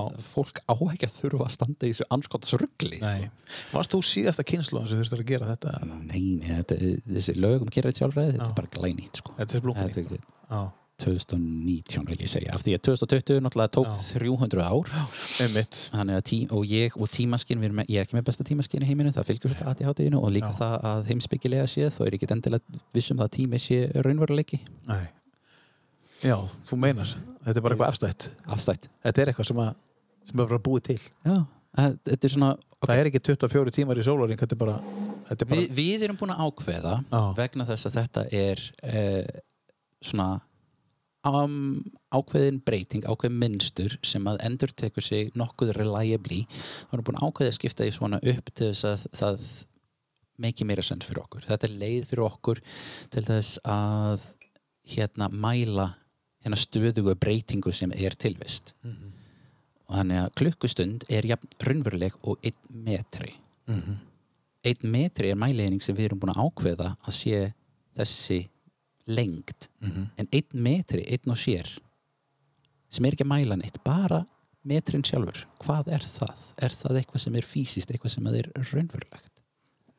Ég skil, skil þig Já. og svo er náttúrulega það að allt breytist alltaf það er ekki hægt að komast hjá því sem gerir, og, og, og við við stöndum svo nálægt okkur sjálfum sko, að við getum ekki séð okkur sjálf án þess að vera að einhverja leiti hlutræk og við höfum ekki neina vitneski við höfum ekki nægilega nána vitneski um fólki sem við hittum og, og kynnumst. Og það breytist svo rætt að við eigum ekki sjens á því að skinja það jafnóðum við sjálf, við breytumst svo rætt og við erum svo hlutræk okkur sjálfum, við hefum ekki sjens á því að sjá okkur sjálf eins og við raunverulega erum. Þannig að tæknilega séð má færa rauk fyrir því að ég er ekki til og þú ert ekki til og ekkert er til. Hellisbúðanir hérna fyrir mörg þúsund ára síðan Það var ekki til, það var ekki mánuður þá Það var ekki nei. klukka. Nei, Eh, Þeir fóru bara út þegar þeir höfðu tíma og, eða, Já. þú veist, tíma til eða bara höfðu orku til. Og, Ef við færum þetta áfram um þúsund ára til ásins í dag. Já, eh, og þúsund ár Já, nokkur þúsund ára Myndi maður ekki bara væri þetta ekki mörguleiti betra að þú veist, þú getur bara mætt í vinna þú vildir þegar þú ert upp á þitt besta og aðrir, þú veist uh, að því að þú veist, við, Já. 84 það er ekki víst að þú fungir besta. Nei, það er, það, er, það, er, það er hlutur sem er rosalega mikið búið að rannsaka líka og er skaplega aðteklisvert vegna þess að þetta fylgir svolítið því sem heitir ADHD Já. og öðrum hlutum það sem heitir hvað er þetta Delayed Sleep Phase Syndrome og þeir eru búin að gera þetta syndrómi. Það er það að þér er eðlislegt eins og þú ert bara výraður eins og þinn líkami virkar þá er það sem er hotlast fyrir þig það er að fara að sofa nokkru klukkutímum síðar heldur en ætlast er til að þér og sofa alveg fram undir hádegi og jafnvel eftir það. Það eru sumir sem bara einfallega virka miklu betur á þannig svepptímabili Já. og þetta fólk er svo látið vakna klukkan 6-7 á mótnana til þess að mæti í skólan klukkan 8 Einmitt. eða í vinnuna klukkan 8 og það vegna þess að það er að sofa og kolröngum tíma fyrir sinn líkama þá upplif þetta, þá slítur þetta nagar í svefngæðin hjá fólki og það endar með því að vera svona ákveðið svona base level sleep deprived Já, bara vandamál. Já, og, og- það, og svo við erum, að, við erum að tala um hvað kulnun er að og eitthvað svolítið, ég held að þetta spili alveg 100%. svakalega mikið inn í það Já. Ég, þegar ég er krakki þá var tvísettin skólinn sko, í upphafi, það var því var svo eh, breytt á þannig, ég var komin upp í fymta bekk Já, mann það var fyrst eða annan bekk þá var þetta tvísettin skóli sko. 8 til 11 og 11 til 2. Já, Eitthvað svo. Já. þannig að það hefði verið hægt að raða bara því áfram þannig að fólk sem að væri bara að val- velja. morgunhararnir færi í skólan á mótnana og kvöldhrafnarnir þeir færi í skólan eftir einmitt. og ég held að það myndi hafa bara hafa, myndi hafa rosalega góð áhrif bara á almenn andleg og líkamleg uh, lífskeiði fólks Ný svona, eins og maður kallar svona superfyrirtæki sem eru stopnu í dag sem að rísa rosalega hratt. Já. Uh, þeir eru með þetta að þú má bara mæta hvernig sem er, þú ert með líkil Yep. uh, og, og hérna, þú má bara, bara vinna þegar þú vilt um, en þessi fyrirtæki, það er að reyna við erum að reyna að fá þessi fyrirtæki hér á Íslandi til þess að hætta klukkutíma fyrir uh, eða fá einn dag í frí eða tvo tíma Já. frí einu sinni í mánu það er bara ógslag erfitt af því við erum orðin svo, þetta er orðið svo, er erfitt. Þetta, það þetta, er erfitt að hætta í hátteginu einu svona föstu í einu sinni í mánu það, er bara, það fyrir allt í steik. Já, en það bara brey, basically breytist ekkert. Nei. ekki neitt. Nei. þetta kerfi sem að við erum með þetta samfélagskerfi, samfélagsskema sem að við erum að, að vinna innan með þessa húst, tímapunkta sólaringsins þetta er ekki hannað í kringum það hvernig það hendar þeim sem starfa. Þetta er hannað uh, út frá bara industrialization sko, núna erum við búin að ákvaða að þetta að vera þessi tímar og bara eftir það þá bara festist það. Og í stað þess að taka tillit til þess að fólk er ekki allt eins og taka tillit til þess að hérna það sem hendar okkur best og myndi fara best með okkur myndi skila líka bestri virkni, bestri hérna, productivity þá eru bara nei nei sko, svona er þetta gert og svona verður þetta gert. Svona höfum við alltaf gert þetta og við viljum ekkert að vera að hætta því núna þótt að það sé einhverja nýjar upplýsingar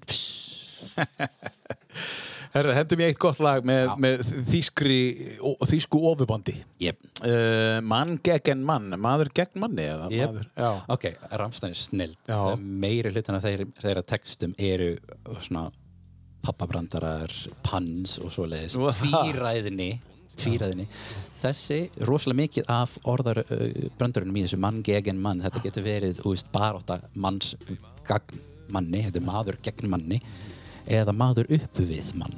Ah, ég skil, ég skil. myndbandið við þetta lag söngvarinn er í lær háum háglans stiletto latex stígvélum.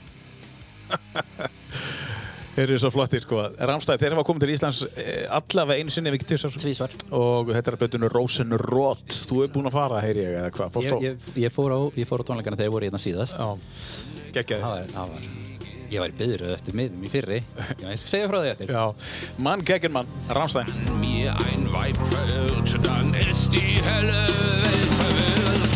Mann gegen Mann, meine Haut gehört den Herren. Mann gegen Mann, gleich und gleich gesellt sich gern. Mann gegen Mann, ich bin der Diener zweier Herren. Gleich gesellt sich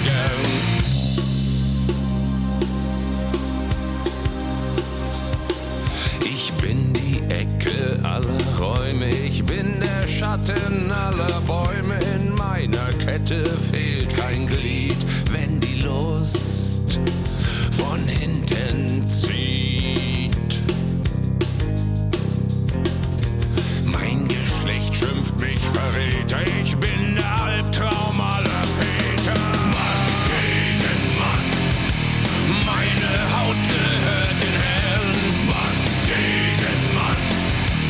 að spyrja þig, hérna, Hans, hvenær heyri, hlustar á, á þetta?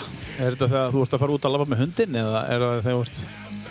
Hvenær Já. hendur í þetta? Ok, þetta er, ok Ramstein og önnur svona metal tónlist er frábær ef maður er að þrýfa og taka til og þarf að gera eitthvað svona fysiska hluti sem eru hundfokkin leðilegir ég hef líka, þú veist, þegar ég var að fara í ræktina þá hef ég listað þetta þá Já.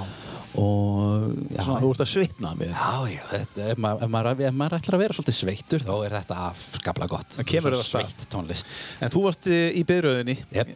á fyrir tónleikunum yep. og náður ekki í miða. Nei, nei, nei, nei, sko, ok, fyrri, þeir, þeir voru búin að ákveða að taka eina tónleika og þetta náttúrulega var þannig að maður gæti ekki farið á neti og gift sér miða þar, nei, nei, þú þurftir að fara og standa í fokkin beðröð, þannig að ég fyrir að standa í fokkin beðröð og akkurat þegar ég er að standa í þessari beðröð þá er ég kas fokkin óléttur.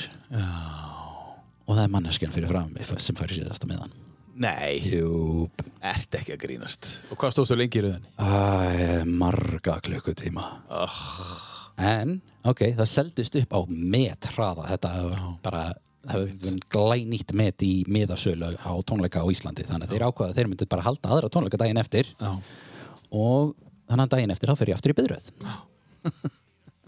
Það eru fjórar mannskjur á milli mín og mannskjunar Það eru einn, tveir, þrýr, fjórir, fimmti maður fær síðasta meðan Nei. og Og stóðstu jafn lengi? ó já Oh my god. Kas fokkin óléttur Já, það er óléttar heldur. Já, já, ég er náttúrulega bara er nánast bitur yfir þessu í mörg ár. Og þannig að þegar Ramstein kemur aftur þá bara fokkin, ég, just, ég á engan pening ég er að fokkin kaupa mig það ég ætla að fara á þessa helvítist tónleika. Og fákastu kipta á netinu? Já, já, Já, ná- það þurfti ekki að standa Miði.is. Kasóléttur Í byðröð Í tvo dag í röð. Og hvernig voru tónleikanir? Þeir voru Það náttúrulega- Þeir eru orðin aðeins eldri Þannig að þeir, þú veist, kannski endust ekki alveg jafn lengi. Nei. En hérna, þetta, þetta, þetta var frábæri tónleikar. Æðisli tónleikar. Herðu, við ætlum að tala á hann um, uh, svo fórum við bara í eitthvað annað flæði. Það var, það var... Uh, sko, fyrir mig allra Athyglisbrestur. Já, já, ég meina, við erum mörgulega báðir, hérna, ég er með eitthvað svipaðun, en Já. hérna, uh, við erum að tala um, þú bauðst fram til Alþingis 2016 Jep. fyrir Píratana. Jep. Uh, það var 2016. Já. Um, síðan breyttist eitthvað og það var kosið aftur árið setna, 2017 Ríkistjórnin fjöll í Ríkisjóðu fjall, það breyttist eitthvað. Og síðan er komið að einhverju sem er að fara að gerast núna í september, þá er liðin fjögur ár. Hvað, hvað ætlar þú að gera núna ef ég spyrði bara, ætlar að fara aftur? Já, ég er aftur komin á lista, ég er í ert sæti. þú ert aftur komin á lista? Já, við erum búin, prófkjörinn búin já, ok, frábært, til að hafa mikið með það. Þannig þú, þú, já, þú fer niður um eitt sæti. Já, ég fær með niður með eitt sæti Austfyrðingarnir, já, það er bara já, já, eðlilegt að þeir fá að vera aðeins ofar og fái svolítið meira að koma að. Já. Þetta er ekki, þú veist, kjördæmið er ekki allt á Akureyri, sko. Nei, það er rétt, það er rétt. Og, og hvað og, og hva, hva, hva, ef þú kemst sem maraþingmaður, ertu þá bara þú ert öryrki, Já, þú getur öryrki. alltaf stokkið til. Já, já, já, ég, það er ekki eins og ég sé upptekinn í einhverju annari Nei, þannig að þú getur alltaf stokkið til. Og þú veist, ég veit líka þetta með ég, þú ert öryrki, hvað er þú, heldur þú og þú getur eitthvað staðið og þingið bara svona, heyrðu, ok, heyrðu hversu marga öryrkja þekkir í alvörunni talað, er, ef, að- ef að gólfið er orðin nú Hefur- helvíti skítugt þá fucking sópar maður. Hefur einhver sagt þetta við þig bara? já, ég, ég fengi svona, hvað þykist þú eitthvað, þú veist, ef þú ert öryrki þá getur ekki unni, þá getur ekki verið en alþingi. Já, þessi hugsun. Já, svona, erðu, erðu er að gólfið er orðin nú anskoti skítugt Já, þá fucking sópar maður, þá fucking nær maður í riksun það skiptir ekki máli hvað skrokkurinn á manni er ónýtur. Já, já að byrja að enda með því að maður snappar og fyrir að taka til. Og ef engan annar ætlar að drullast þess að taka til þá skal ég bara taka til. Já, með Ramstein í eyrunum. Já, já. Það er svo leiðis En ok, þannig að, þannig að ert þú að standa þá í einhverju barótti núna? Nú er marsmánuður og þetta er í september. Uh, ert, þú, ert þú að taka þátt í einhverju svona Ertu sínilegur eitthvað meira núna heldur en það hefur verið? Eða, ég haga mér svolítið mikið bara eins og vanalega. Hérna hvernig er það? Ég ríf kjátt á netinu. Eins og nörd. Já, já. en eh, ég ég ætla að leggja mig svo litið fram við það að, að bara skrifa greinar þannig að ég geti komið orðum að því sem Já. að er ég, ég á það til að skrifa heilu greinarnar bara á Facebook í umræðum og eitthvað svoleiðis og svo enda með því bara nei ok, við, það er vegna þess að við erum að þessu bröldi þá er það bara meira praktíst og eðlilegt að setja það í samhengi þannig að fólk þurfi ekki að leita sérstaklega að mér og kynnast mér sérstaklega til þess að vita hvað það er sem ég er að hugsa og gera. Bara þannig að þú getur fengið þessar upplýsingar til þín. Hérna ertu með uh, State of the Art podcast studio í heimabæniðinum. Er þetta ekki bara, er þetta ekki tilvalið að fara í podcast með þetta? Jú, það er Ég meina það eru fleiri, fleiri já. pislar sem þú getur sagt bara með að sýta hérna. Já, það er- það líka til Pírata podcast fyrir sunnan og það verður ágætt að, þurfi ekki að fara alla leiðina suður Pírata podcastið fyrir norðan. Já, bara norðandeldin Norðandeldin. Yep. En, en segðu mér þetta hérna, við, við tölum að einu ekki um pólitík og við ætlum ekki að fara nær, ná- nánar í það, pólitík og, og, og fótbolti, það er svona eitthvað sem við bara tökum einhvern tímann svona off-air. En, en sko, uh, mér langar að spyrja það einu, að því þú að fara að bjóða þig fram. Já. Uh, flokkakostning, einstaklingskostning. Uh, ef þú fengir að velja, Ef við fengið að velja þá væri það eðlilegt að við værum með persónukjör. að, ég, held að, ég held að við á landsbyðinni séum svolítið meira líka á þeim pælingum frekar heldur en kannski höfuborgin eftir, þetta. Munurinn á því að vera einn af fáum og eða einn meðal þúsundir annara svona upplifunin. Uh, fólk þekkir einstaklingana svolítið betur á landsbyðinni og hérna þannig að geta, ég veit líka það að það, það, það er þannig á kjörsæðlunum sko ef þú kýst ákveðin flokk þá mátt þú gera breytingar á þeim lista sem þú kýst. En þú mátt ekki krukka í listunum hjá einhverjum öðrum. Nei, nei. ef þú snertir listan hjá einhverjum öðrum þá ertu búin að ógilda seðilið en það er til fullt af fólki sem myndi vilja veist, geta kosið veist, þennan flokk af því að þessir toppmenn á þessum lista eru frábæri en það myndi vilja geta strikað út efstamann á, á einum listanum af því að þessi, þessi einstaklingur er búin að brenna allar brýr í kjördæminu eða búin að gera eitthvað aðs af sér eða eitthvað svoleiðis. En vegna þess hvernig kostningakerfið okkar er stilt upp þá getur hann samt sem áður farið inn á þing sem jöfnir þingmaður og, og eitthvað svoleiðis. Þannig að, að fólki sem er bókstaflega þessi einstaklingur á ekki erindi fyrir okkar hönd í okkar kjördæmi. Það hefur engan sinns að gera það ef þú ætlar að kjósa. En er þetta ekki bara svolítið svona úrelt svona eins og stimpilklukkutar bara að þú veist að vinna frá 84 og, og stimpla sér út og með, með flokkana, meina, er, þarf ekki að fara að breyta sér bara? Já, jú Gallin er bara að það, það þarf að kjósa flokka til þess að sem að hafa það að- sem hluta af sínum áherslum að gera breytingar á þessu og já. þá þarf þarf að kjósa flokkana sem að, að breyta helviti stjórnaskran Og sem vil ekki breyta. full á móti, full á móti fær ekki að vera með Eh, mér langar að spyrja þenn, uh, Hans, um, þú heitir Hans Jónsson Jep. og hefur alltaf verið Jónsson eða þú varst Jónsdóttir. upprunlega En hvað hérstu í gamla það? Þetta er dreklaðin spurning sem maður almennt spyr ekki transfólk. Já, þetta er svona það, það, þetta er hver, hvað hérstu áður og, og fullt af svona spurningum sem maður er beint að transfólki er, er oft svona rosalega nálægt að spyrja um kynfæri fólks skil. og fyrir rosalega marga þá er nafnið sem þeim var gefið Já. uh, það er svona this name is dead to me og tengir ekkert við það lengur Já, þér var Ég- gefið það, sem skýrt, en núna... Já, þetta, þetta nafn er eitthvað sem ég hef, hef ekkert með að gera og eitthvað svolítið, þannig að þetta er svona drekklaðin spurning sem að maður á helst ekki að spyrja transfólk. That being said, þá finnst mér að svolítið fyndið að upprunlega nafni sem ég var gefið var upprunlega kallmannsnafn. Já, Yep. ok. En Hans? Er Ég bara... er, upp, ég er upprunlega skýrður Já, í, nafn, í, sérst, í höfuðið á föður ömmu minni já, já. og nafni sem ég tek er móður afi minn. já. Ég fæ að halda sömu skamstöðan hájóð og ég hérna og þetta var svona... það var ekki neinn, þegar ég voru að spá í þessu þá bara small þetta svo rosalega vel saman og ég er bara svona, já, þetta, þetta passar, þetta passar Þetta passar. Já, mjög fallegt. hann hérna, Hans Eliasson, Hans Danski Já. móðurafi minn Já, já, já. og, og nafnið sem að mér var gefið var Hólmfríður Já. Hólmfríður fegursti maðurinn á Á hólminum. á hólminum, á baráttuvellinum maðurinn, maðurinn sem að er ógeðsla flottur með sverði í hendi Karl- Fríð, karlmanns þetta er Karlmanns Þetta er Karlmanns ending, Já, ummið. fallegur Karl með sverð. Þú ert, þú ert fallegu kall með sverð. Já, ég á ekki sverð þannig þá ég get alveg redda mér sverði sko. ég ábyggilega, fer ábyggilega ágætlega við þetta. ég, með, ég, á, ég, ég sér það ég er hérna í átjöndu aldarskiltu og eitthvað svona þú væri flott við sverð yep. Herri, við ætlum að taka eitthvað, svo ætlum við að fara eins, mér langar aðeins að forutnast til þú flyttir til Línhjöping í, í Sverige. Þetta hérna. þetta er næst í rauðinni Já. Um, segðu okkur aðeins frá hérna þessu. Það söngkonan Já. í þessari hljómsveit þetta er punk hljómsveit Against Me söngkonan heitir Laura Jane Grace og hún er transkona Já, já. og þegar hún kemur út sem hvern maður, gagvað hljómsveitin sinni þá segir hann, heyrðu, þú veist, ég ætla að gera eitthvað í þessu e, mm, þá bara er einhvern veginn hluti af hennar ferli það er að gera heila disk sem fjallar um hennar þú veist, ferli og hennar tenging Þessi, og þetta er svo gott svona hinsane punk Þetta er uh, Against Me hljómsveitin á Norse Truth. Já. Já, aðeinslegt. Hlutunni Shape Shift With Me. Þetta er af uh, listanum hans. fucking pound of flesh. Just because I can intellectualize it doesn't mean I feel it in my chest.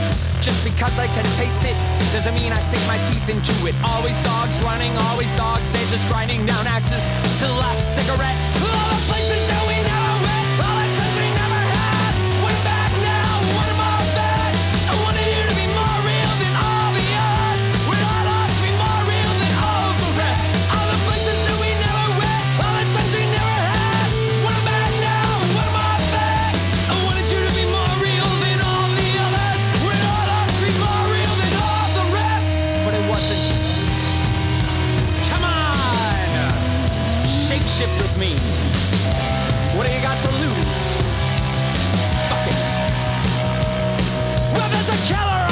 and son there Christ fucker rape me and wash and unclean. These statements untrue me. We used to be cocaine and Xanax, now kisses and with a lipstick. There once was love, there now is nothing.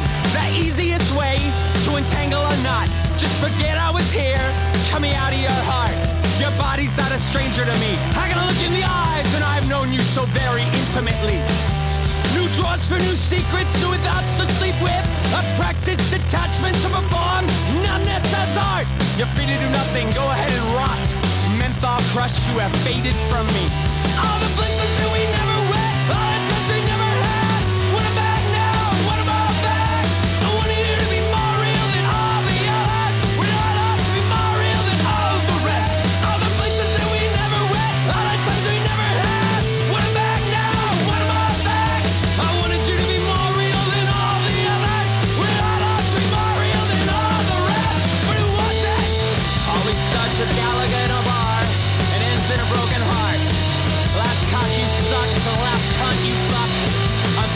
lag með hljómsveit sem heitir Against Me og lag sem heitir Norse Truth. Þetta er punk af listanum sem að hans er með hér í tíu, tíu bestu. Uh, mér langar að farast til Svíþjóðar áður en förum yfir í Já, það eru margar spurningar sem að brenna. Um, Svíþjóð. Já. Þú fluttir til Linköping. Linköping Þú bjóst þar hvað í fjögur á? Já, fjör ár Segðu okkur eins frá því. Hvað varst að Ok. gera þarna? Ég var að elda strák Það var ekkert sérstaklega góð hugmynd svona til lengri tíma litið og að eitt af því sem maður fekk hérna í Svíþjóð er að maður fekk aðganga að sænsku námi ókipis sem innflytjandi sem var frábært Já. og ég hitti held ég eina eða tvær aðrar íslenskar mannskjur sem voru líka akkurat í sama námi og ég Já. sem er bara akkurat einn af þessum hlutum sem maður veit að, að hérna hvar svo sem þú ferð í heiminum sem Íslandingur þú getur allavega fundið einn annan sko Já. við erum út um fucking allt Dreifumstu vel. ég, við getum ekki haldið okkur heima hjá okkur Nei. Nei. Við verðum að fara af eiginu. já, já, já Og þetta varst þú farin að eiginu. Já, þetta er í þetta með við verðum að fara eitthvað stundum að bara er ákveðin brandari með þetta með alast upp hérna, sem hins einn manneskja í smábæjum og hérna af hverju hins einn fólkið enda, endar oft rosalega mikið fyrir sunnan sérstaklega innan ákveðin svona ald, aldursbrakket það er uh, ja, eftir, eftir, eftir smá stund sko, þá er engin til í nærsamfélaginu til þess að deyta nema fyrirverandi og, og, og frænka þeim sko. Það er ekkert sérstaklega gott lúk sko, til Nei. einhvern tíma lítið en hérna, en hérna já, ég flytt út til Linköping og ég er alltaf strák sem ég kynntist upprænlega gegnum netið og, og er svona svo lítið einhvern veginn bara finna út úr sjálfur mér Já. á vissu leiti skipta um vettfang ja, fullt af ekkit sérstaklega góðum hlutum sem eru þessu tengdir svona þannig séð en það er fullt sem maður lærið af þessu Sænskuna Ja, jag kan fortfarande prata svenska helt. Li, lite, röstigt. Det är bra. In, inte så bra, inte så bra. Men Inte så bra. jag förstår den mycket bättre än, än jag kan prata den. Så. Ja, all right. Ja. Svenskan. Det är jättefint. Nej, det är jättebra, Egon. Jättebra. och du varst i Linköping allan tíman eða? Mm. Þrjú, ár í uh, Linköping og síðan flytti ég suður til Partille sem er svona eins Já, og Partille, já. já. Það er rétt fyrir utan Gautaborg svolítið eins og Kópavogur er rétt fyrir utan Reykjavík. Já, þetta er það sem að handbóltamóti stóra er haldið. Partileg upp. Já. Já. og, og meðan ég var þar þá fór ég í hérna í skóla í Gautaborg í fólkhögskóla nýja varvett sem var langt í burtustan ég þurfti að taka og rölda og taka strætó og taka svo hérna lest Já. og svo rölda svolítið lengur það tók mig alveg bara glukkutíma að koma í skólan Já, ok. Og hvað það læra? þetta var bara svona almennt nám þetta var, ég var að tóka uh, A og B í, í ennsku á saman tíma sænska, heimspeki nei, ekki heimspeki, það er sálfræði og sálfræði er cool Já. og starffræði og okkur svona og hérna það var eftir eitt ár í þeim skóla sem ég bara svona nei, ok, I need out og endaði með því að ég kom áttur heim til Íslands Fluttur þá heim til Akureyrar? ég heim á Já. Og hvað, þú veist, hvað tekur svo við hérna á Akureyrar? Ert þú búin að vera hérna síðan? Jep. Ég flytt heim til Akriðar kortur í hrun Hvort er í þrun? Já. Búin að vera hér síðan? já, Og hvernig er svona, að, þú veist, þú, þá ertu búin að vera flytja Reykjavíkur, þú er búin að flytja eitthvað, þú bjóst á Kvamstonga, þú er búin að komast að ýmsum sjálf á því, þú er búin að eignast bann, ég, þú er búin að fara að elda einhvern eh, til ég, ég er búin að gera ég er búin að gera góðar ákvarðanir ég er búin að gera slæmar ég er búin eins og allir eru búin að gera. já. Og svo kemur hingað heim og það er svona rótin bara, nú ætla ég bara að taka rótina. það er svolítið svona, ok, back to basics í þessu sko. Og það er líka það að hérna þrátt fyrir það að, að mín reynsla af námi í mínum skóla hafi ekkit verið veist, upp á sitt besta þegar ég er krakki Mm. þá er veit ég til þess að það er rosalega mikið búið að breytast og það er ég hef svona jákvæðar tilfinningar til möguleika batsins míns á því að, að hérna, pluma sig ágætlega í Mm. þeim skóla sem er þátti í bóði fyrir batnið Mhm. og hérna, já Hvað heitir barnið þitt? Hrafn. Og hvenar á hann ammæli á árinu? Hvenar, hann tvittuðu núna bara fljótlega? Þetta, þetta, er ammælisbarnið mitt sko Þetta er ammælisbarnið þitt? Já, ég á ammæli 4. oktober Já. á nýju mánuðum sinna Já. 4. júli Já, það er svoleiðis. bara laglegt. Herri, það er stórkostlegt. Þannig við vitum alveg að þetta hefur verið gott, am, góður ammælistafur. samlæðir sko. Já, það verður gott ammæli, góður ammælistafur. Þannig það er fjórið júli, það er, það er risa dagur. yep. 4th of July Já. Þykistu kanni minn Og hvað á að gera á títusammæli? Er búin að ákvæða hvað ætlar að gefa honum? Nei, Nei. ég veit ekkert hvað ég að gera þetta Nei. það, það, It's plague season en á að halda eitthvað svona lokal partí í sumar, Sjáum til, sjáum út til í garði. Mögulega. Mögulega Já. Þið eru góðu samskiptum, þú og Hrafn. Alltaf, við, við erum báðir svolítið svona létt klikkaðir Já. ég, hérna, ég er náttúrulega með minn aðdeglisprest og hann er á einhverju rófinu þannig að við tölum sambærilega Mm. við erum að- með sambærilegt svona operating system Já. við skiljum að hvort annar svona skýtsemlega og hérna þetta er svo mikið landskota snillingur sem ég bjóð til ég veit ekkert hvernig ég fór að því Já. þetta listaverkin sem að það, þessi manneskja skapar eru fáránlega Hva, hva, hvernig, hvað er hann að gera? Hvað er það? Mála það? Ja, málverk og, og bæði rafræn og, og hérna, svona klassísk list það er, ég er með stort málverk upp á vegg hjá mér inn í stofu sem að er e, ofbóðslega fallegt Getur maður séð þetta einhverstaðar? Er það með einhverja heimursíðu eða Facebook síðu eða eitthvað? Það er fyrir þá sem eru forðunir. ég, ég, ég veit ekki hversu mikið ég má plaggan Nei. hann ræður því sjálfur hvern, Jæja. hversu mikið hann vill plagga sjálfan sig og ég, ég virði hans mörk algjörlega Og þið vitið allavega hvað hann heitir. Þá, þá, svona, hann, hann, hann markar setur sjálfan sig. hann ræður því alveg hvernig hann Já. markar sig Hann er mikill listamæður. Ert þú listamæður? ég, ég teiknaði ofbúslega mikið sem krakki ég var einn af þessum fáu krakkum í, í grunnskólanum sem fekk tíu í uh, myndlist og okkur já. ég hef tekið einhverja list uh, listáfanga og ég hef rosalega mikið bara unnið eitthvað í því og mestmengnis bara með pen and paper sko Já. en ég hef það er orðið svolítið síðan að ég hef gert eitthvað af því að viti sko Hefur þú skrifað eh, ljóð, bók? ljóð, smásögur Já. helling af svoleiðis Eitthvað sem er komið út?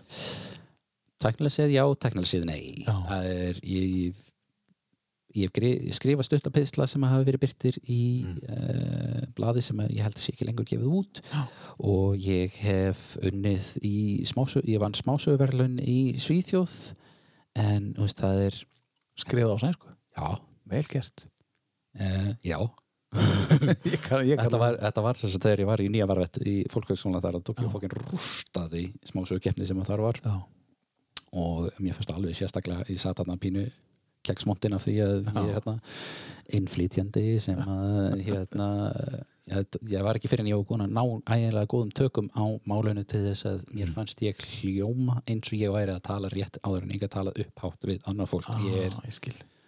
ég á það til að vera vandræðilegur og svolítið svona félagskviðin og þannig að ég þurfti að vera að koma með það góð tök á málinu áður en ég gat geta og svo tök ég hérna og ég rústa smásögukefni skrifaður á sænsku á mentaskólastígi og hérna mannarskið sem var í öðru sæti stelpa frá Tævan Nei, engin svíi. það var, ekki, það ekki svíi fyrir í þriða sæti Æðislegt. En hvað skrifaður um? Um hvað var þetta? Þetta var verkefni sem að byrjaði með því að uh, finna staði á korti þetta var svona throw darts eiginlega. Og svo tókum við út frá því og byggum til gönguleið. Og svo tókum við þessa gönguleið og tókum líkil orð úr stöðum sem urðu til á þessari gönguleið. Og svo tókum við þessi líkil orð og filtreiröðum niður í hvað, fimm orð. Mm. og það átti þá að verða að sögu. Já, já.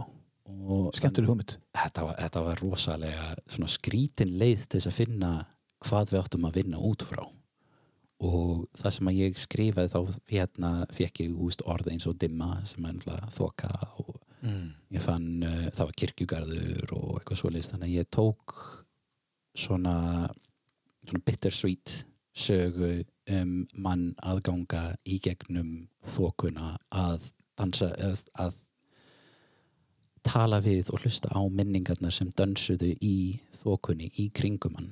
Já, áður en hann fer aftur heim í kirkjugarðin og leggst til kvílu á mentaskóla stíi. já, Vel gert.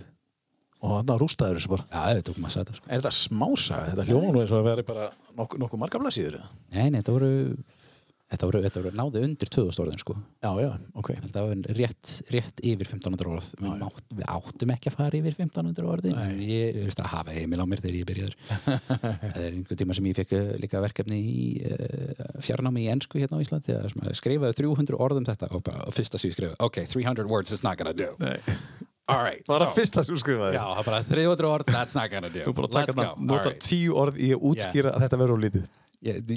I'm sorry limit too small, Já. this is happening Já. og þá, ja, ég held að ég slefa næstu í þúsund orðum En þú ert nú með svolítið gott vald á enskunni þegar þú talar hana.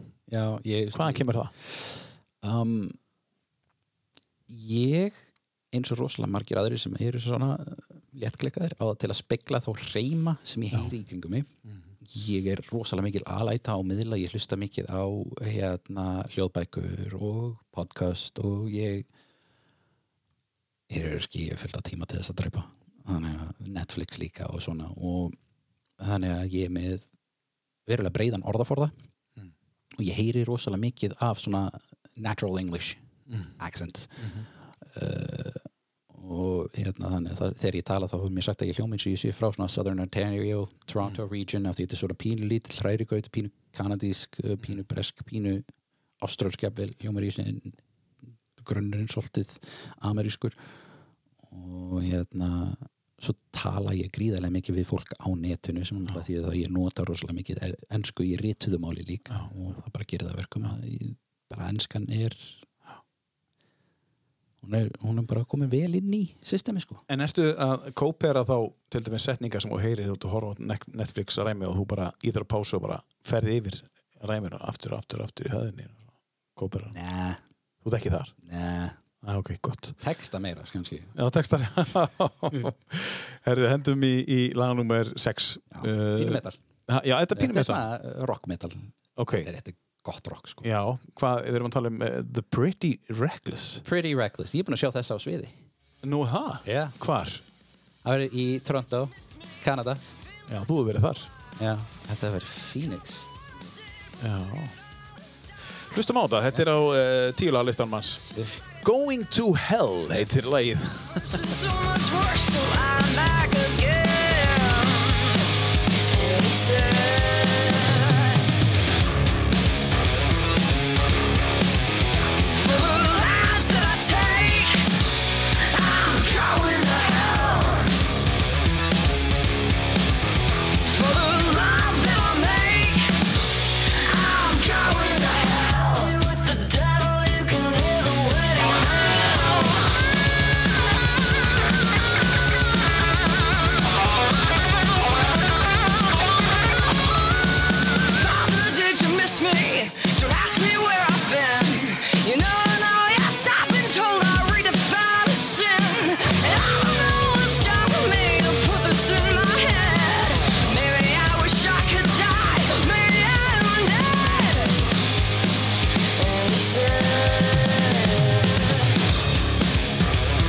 alveg rock'n'roll. Já.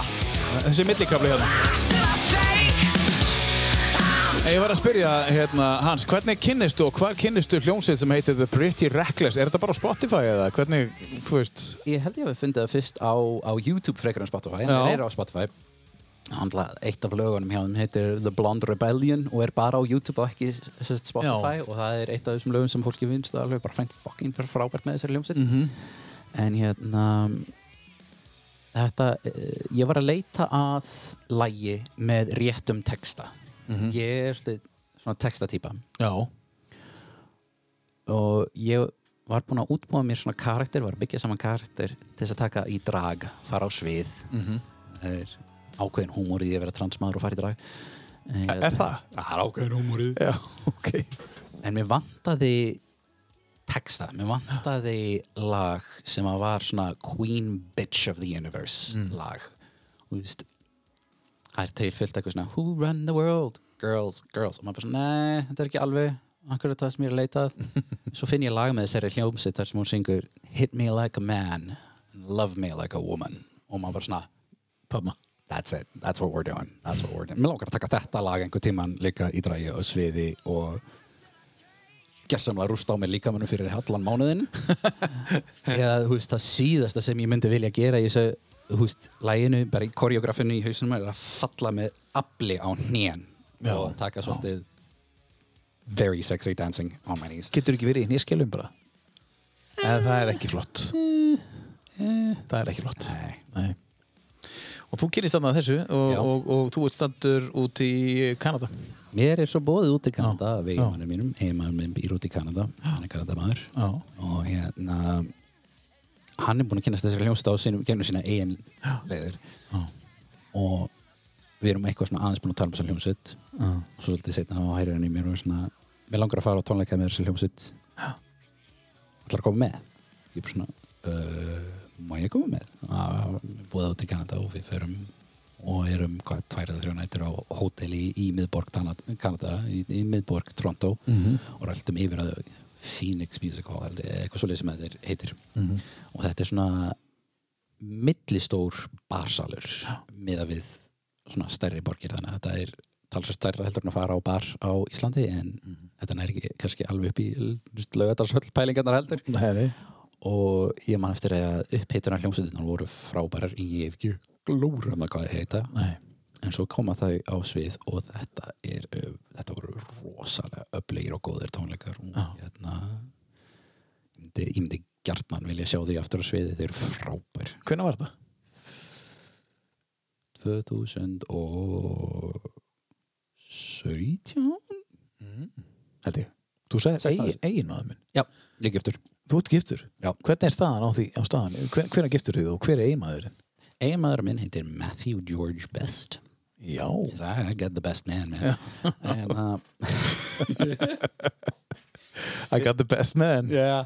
fyrsta skipti sem hann var komin til landsins þá var hérna af því hann þurfti að millilenda í bandaríkjunum og hann þannig ef þú millilendir í bandaríkjunum þá þurfti að fara í gegnum toll í bandaríkjunum til þess að fara yfir í næstu flugvel þannig að toll, uh, tollvörður sem að, að, að prósessa hann í gegnum uh, hérna, flugvellin í bandaríkjunum hann hétt Mr. Good Mr. Good. yeah, last name Good Nei. Jú, að fucking fyndið Hello, Mr. Good, Mr. Best Nei. Það grínast. Þetta er Nei, þetta er snilt stranger than fiction Uh, stranger, the truth is uh, reality is stranger than fiction Já. um, eitthvað svo leys en hérna, já við erum, við erum semst búin að vera saman í frá því 2009 erum við búin að vera giftir Já. Og Hvar er hann? hann er heima í, í Toronto Já. í Pickering þú segir heima. yep, En nú ert þú hér á Akureyri yep, og býr hér. yep. Er þetta svona, þetta samband, sko hann ætla að væri langt best að hann getur flutt bara hingað og verið hér Já. hjá mér og verið saman hér Já. og ekkert þessu en það er hann þarf að hafa ákveðið mikið af fjármunum á milli handana til þess að fá nægilega langt varandi dvala leifi til þess að geta fundið vinnu. Og til þess að fá atvinnuleifi þá þarf uh, væntanlegur vinnuveitandi að sækja um atvinnuleifi fyrir hann. Og þetta er svo mikið svona paperwork fucking nonsense. Já. En nú eru þið giftir, skiptir það ekki máli? það skiptir ákveðinu máli en ekki nægilega miklu máli. Það þýðir það að hérna hann þarf ekki að sína fram og hafa alveg mikið pening á milli handana og svoleiðis. En já þetta, það, er, það er ekkit auðvöld í þessu Nei. fucking brasi. En þið eru búin að saman síðan 2009. við erum múin að giftir síðan 2009 Þið eru giftir síðan 2009. yeah. Við erum Saman búin síðan hvernar? fyrst í svona eh, svipum tíma og þegar ég kem heim til Íslands Já. Til Akureyrar. Hvar kynnist þið? netinu Já. Yeah, that's the nerd story it? meina, þú, þú ert ekki farin lengur til Noregs, það er ekki hægt að fara á date þannig og bara kynast getum netið.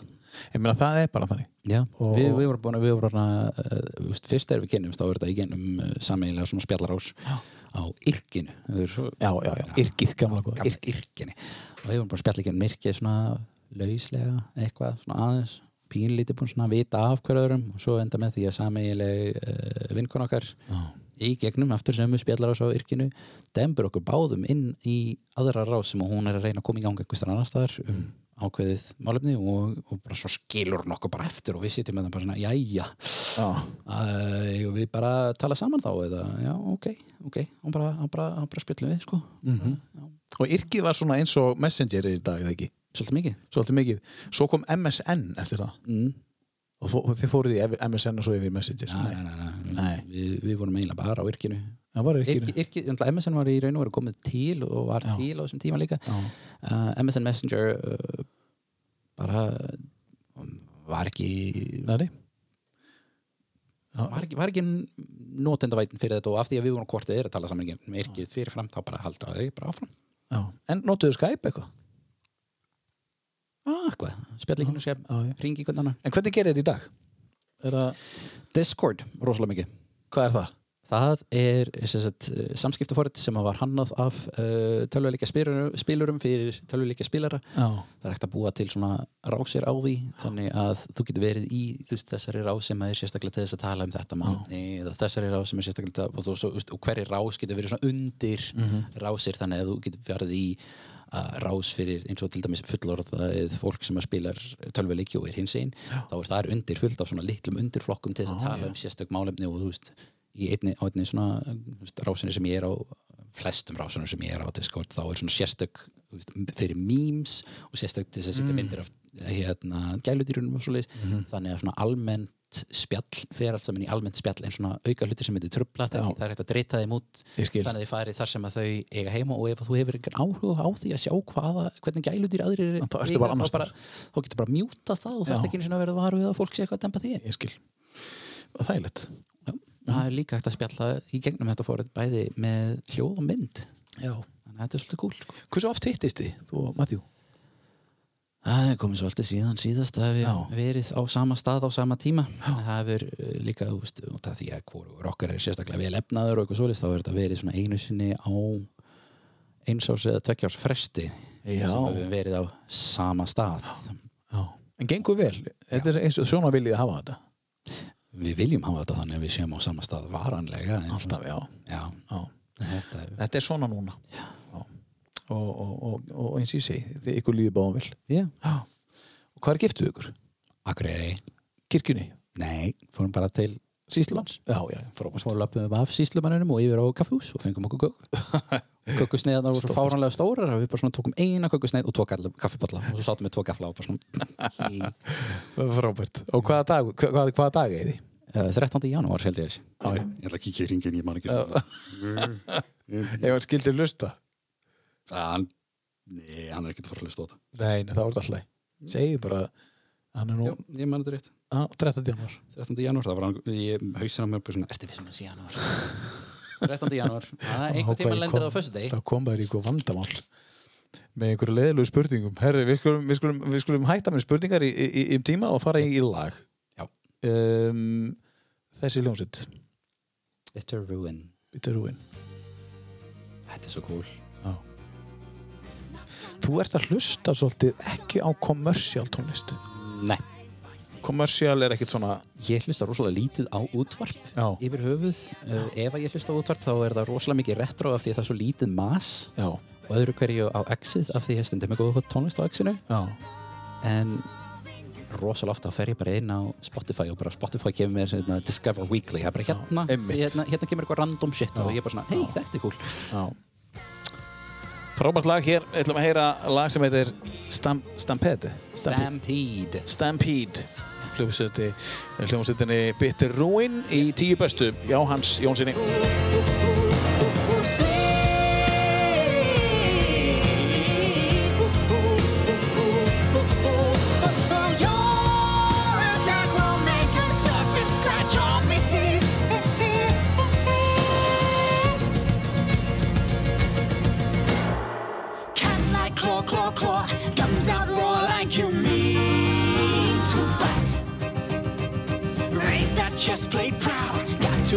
up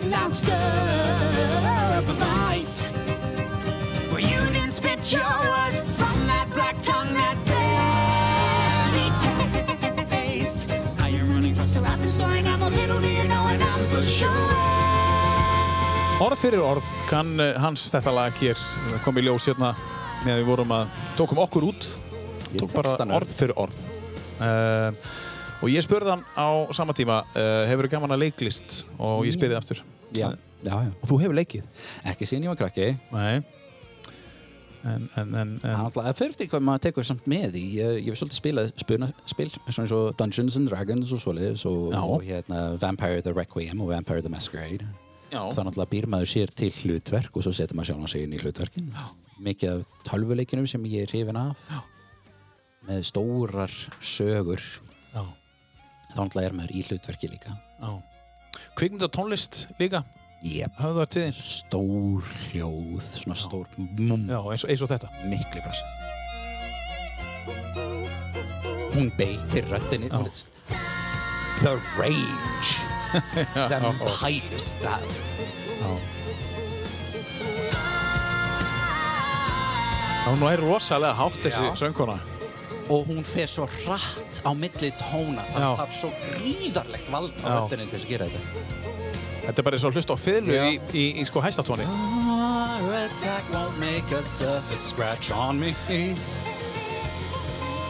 En ef það byndur nú bjóðast að, þú mættir fara upp á svið og leika uh, hlutverk, myndur þú taka því? Núna, hlutverkinu núna er uh, hérna, leiklæsandámski fyrir fullori fólk hér á Akureyri, þið eru ekki dottið að fara á það? Ég veit ég hef ekki, vitað af því held ég bara. Nei, nei.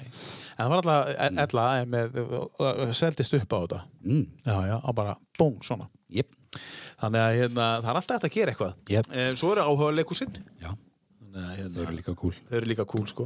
Það er líka, þú veist, svona basic hlutir sem maður lærir í gegnum spunaspil, í gegnum að setja sér hlutverk, í gegnum að, að leika í hlutverkum sem krakki. Það er hérna að tala fyrir framann fólk Já. Tala þar sem einhver heyrir til. Já. Að, ég held að sé Neil Gaiman, rithöndur, sem að sagði eitthvað um það sko að, að hérna, hann þúlir ekki að tala fyrir fólk, fyrir framann fólk. Hann verður rosalega vandræð, hann fær svona kvíða viðbröð. Og hérna, það sem hann gerir og það sem hann ráðleikur fólki að gera er að, veistu, það er allt í lagi. Þú þarft ekki að vera góður í því að tala fyrir framann fólk.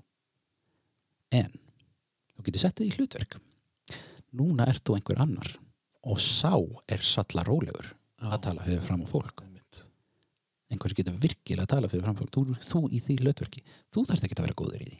Er Hlutverkið er gott í því. er það, ekki það sem að leikararnir, sem leikarar kunna að gera? Já, Já, og þetta, veist, þetta geta gripið í þetta að ég þarf ekki að vera góður í því að tala fyrir framann fólk ég get bara slakað á núna er ég ekki hans vandræðilegur kvíðasjúklingur sem að uh, sittur hérna og högtir og, og, og, og, og, og, og stamar og svo leys, nei, nei, nú er ég hans skemmtilegi sem að er hérna til þess að segja brandara og, og, og hérna tala við fólk og kynna það fyrir hlutum. Þannig að ég er svolítið veist, tekið uh, þátt í með hins einn Norrlandi að fara með hins einn fræðslur út um, út um allt.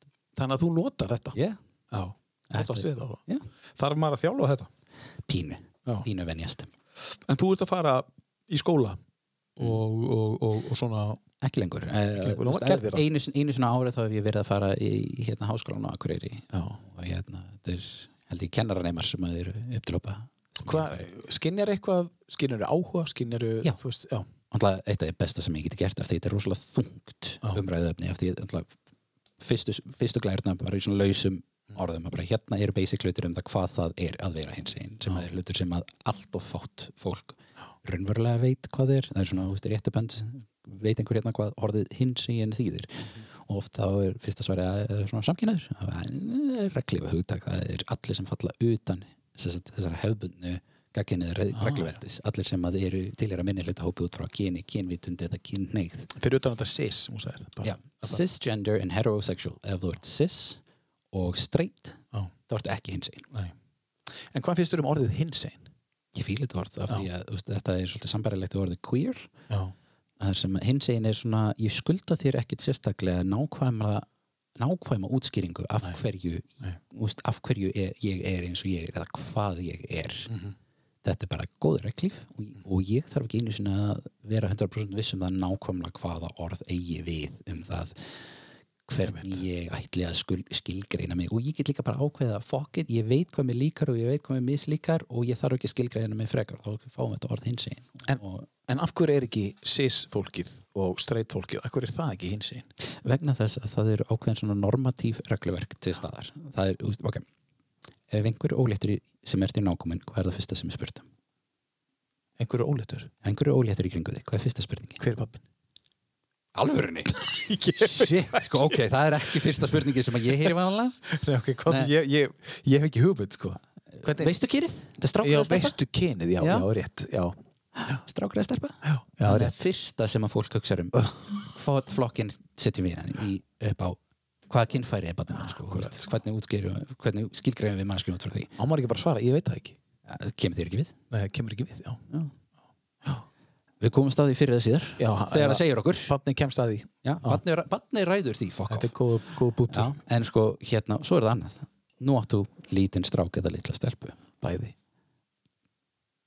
fengu þau nákvæmlega samskonar gjafir þegar þau eruðu eins árs?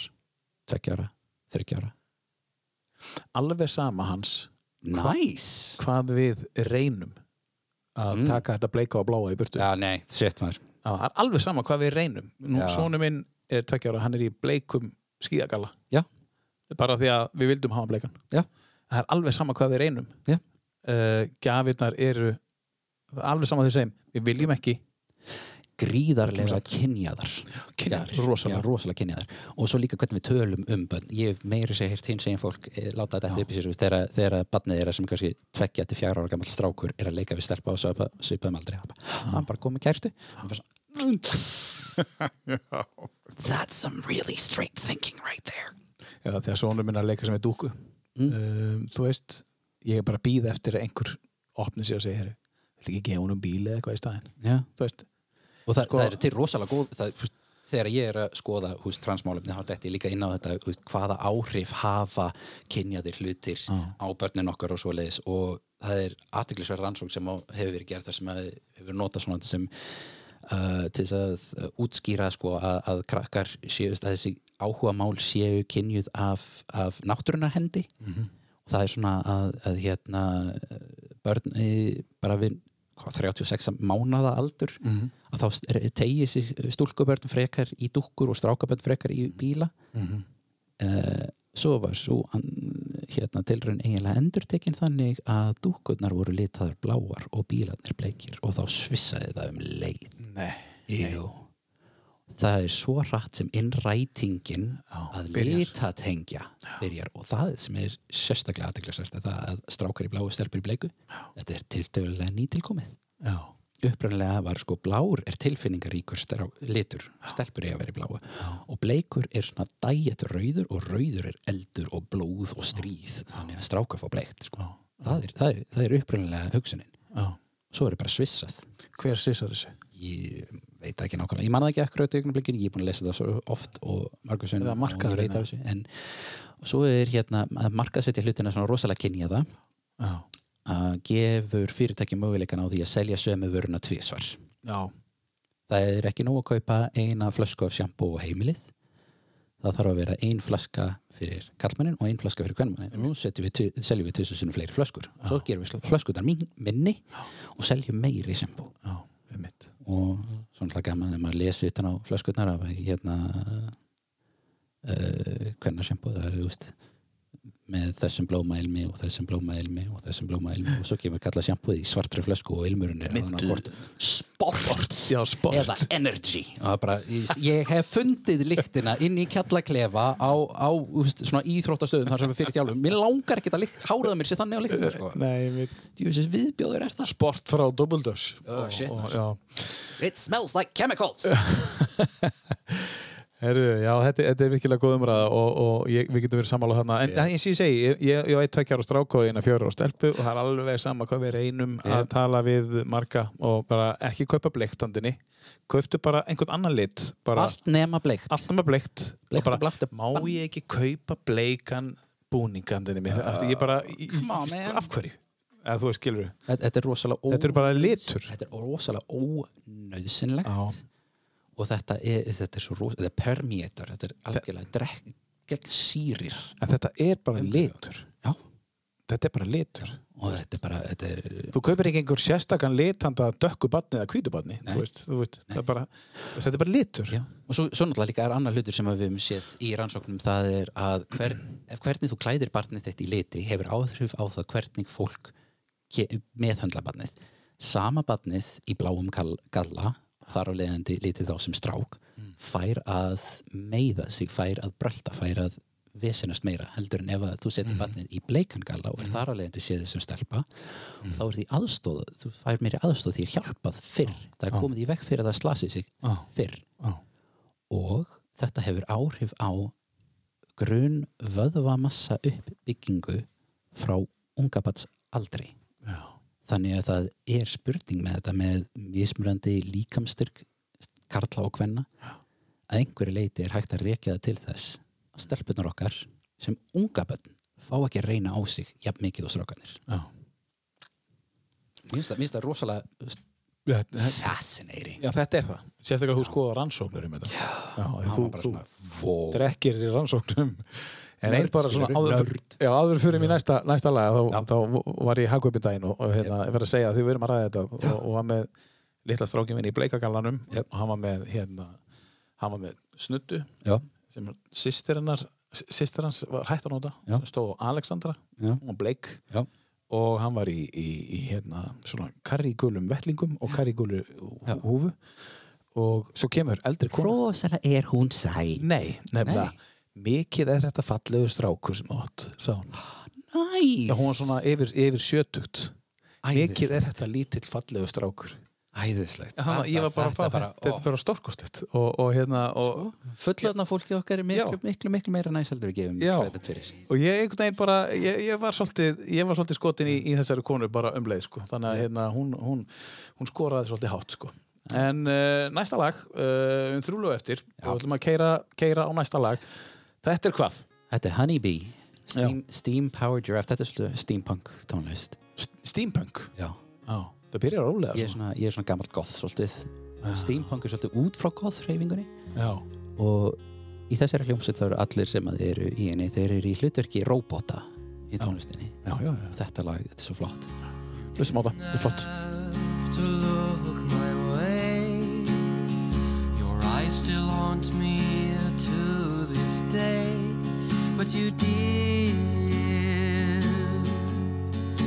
Yes, you did. You didn't have to say my name. Ignite my circuits a star of flame, but you did.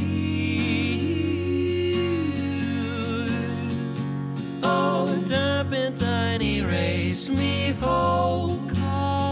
Who don't want to live my life alone? Who was waiting for you all my life? Oh,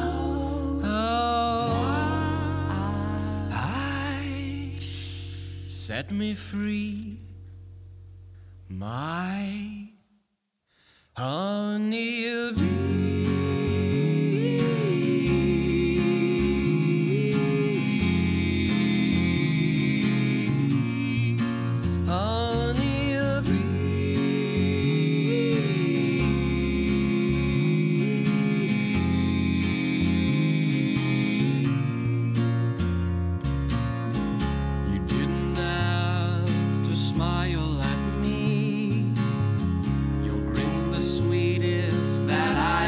Ever seen.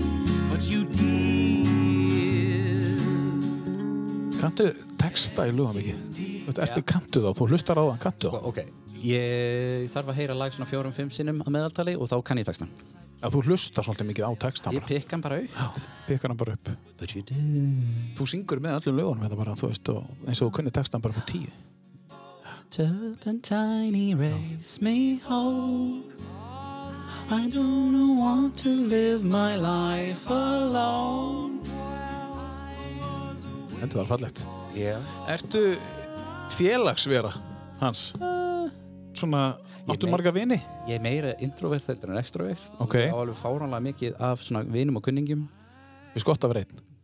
Ég, mér líður óðalega vel bara þegar ég er eitt með sjálfum mér svona og ég þarf oft eftir ég er búin að vera mikið að díla við fólk og tala við fólk og svoleiðis að taka mig pásu Já. Og fá að vera í friði og fara inn í búbluna mína og svoleiðis. Þannig að við mest hugtaka þetta heima hjá mér þegar að- þegar að er svona ok, nú er ég búin að gera nóg af því að tala og vera manneskja. Mm. og bara líti á fólki í krifum bara svona I'm gonna take some bubble time, ok? Og þá fæ ég bara að vera í minni persónulegu búblu ósnertur þangað til að ég er tilbúin til að koma út úr henni sjálfur. Og þá get ég verið al einn inn í stofu í kringum fólki mitt án þess að verða verða að tala við neitt Já, ég skil. að Þú geta, getur bara, það. að geta bara sett þetta svona fram heyrðu, nú þarf ég svona smá tí, tíma inn í minni, minni búblu Já. og þetta er bara svona konsept sem er til hjá okkur Fjölskyldunni. já, En, mér en, finnst það gott konsept mér finnst það flestir ætti að, að, að Já. kynna sér þetta og nýta sér þetta en, en, en er þetta eitthvað sem þú komst, kom framtarð með og sagði ég vil hafa þetta svona eða eitthvað sem við skinniðu bara? þetta, ég held að ég við uppræðanlega fundið bara þannig að, að ég hef talað um það í nú þurfum ég bara að fá að vera svona píni með sjálfum, ég ætla, ég, ætla, ég ætla að fá að vera ekki til Já, já. en þetta með bubble time þá við hefum séð þetta á netinu líka þar sem að fólk er að tala um þetta að eiga þetta koncept, að eiga bubble time til þess að geta farið í En þú getur þó bara slögt á umkörun í kringu þig, bara svona í róleitum bara. Þú hefur ekki þörf stundum fyrir að taka þátt í allir umræði. að ég hef ekki nægilega miklu sjálfstórt til þess að láta alla umræðu vera en hérna en að geta, að geta sagt bara ok, nú er ég farin í pásu Já. Og vita að það sé virt að geta treyst því að fjölskyldan í kringum mig Já. þið viti það að, að nú sé ég ég er meðal þeirra Já. en að það ég sé þannig stemdur að það þurfi svolítið að vera á mínum forsendum að ég rétti mig í áttina að ykkur Já, en þegar þú ert í bublunni og þú ert, uh, ferð, ert ekki innan um fjölskyld og vini, þú finnur þetta á leiðinni heim og þú ferð heim, hvað gerur þú þá inn í þessar bublu? Hvað ertu þá að dunda þér? Uh, tónlist mest. Það er svo já, Og þá er það bara tónlist á, hvernig hlustar á tónlist? Bara ertu með bluetooth átalara, vínil eða headphone? ég er með bluetooth hátalara að, já, tvo, það er eitt sem á heima í bílnum og eitt sem heima í eldhúsinu. Já, uh, hvernig, headphones. hvernig hátalara? uh, annar þeirra er svona JBL gammal svona, svona hlungur Já. Heitir Grunt. Já, og hérna hinn er hérna Já. svona ferkantaðir já, já, já, getur. Meiri bassi í, eh, og hægt að hækka meira í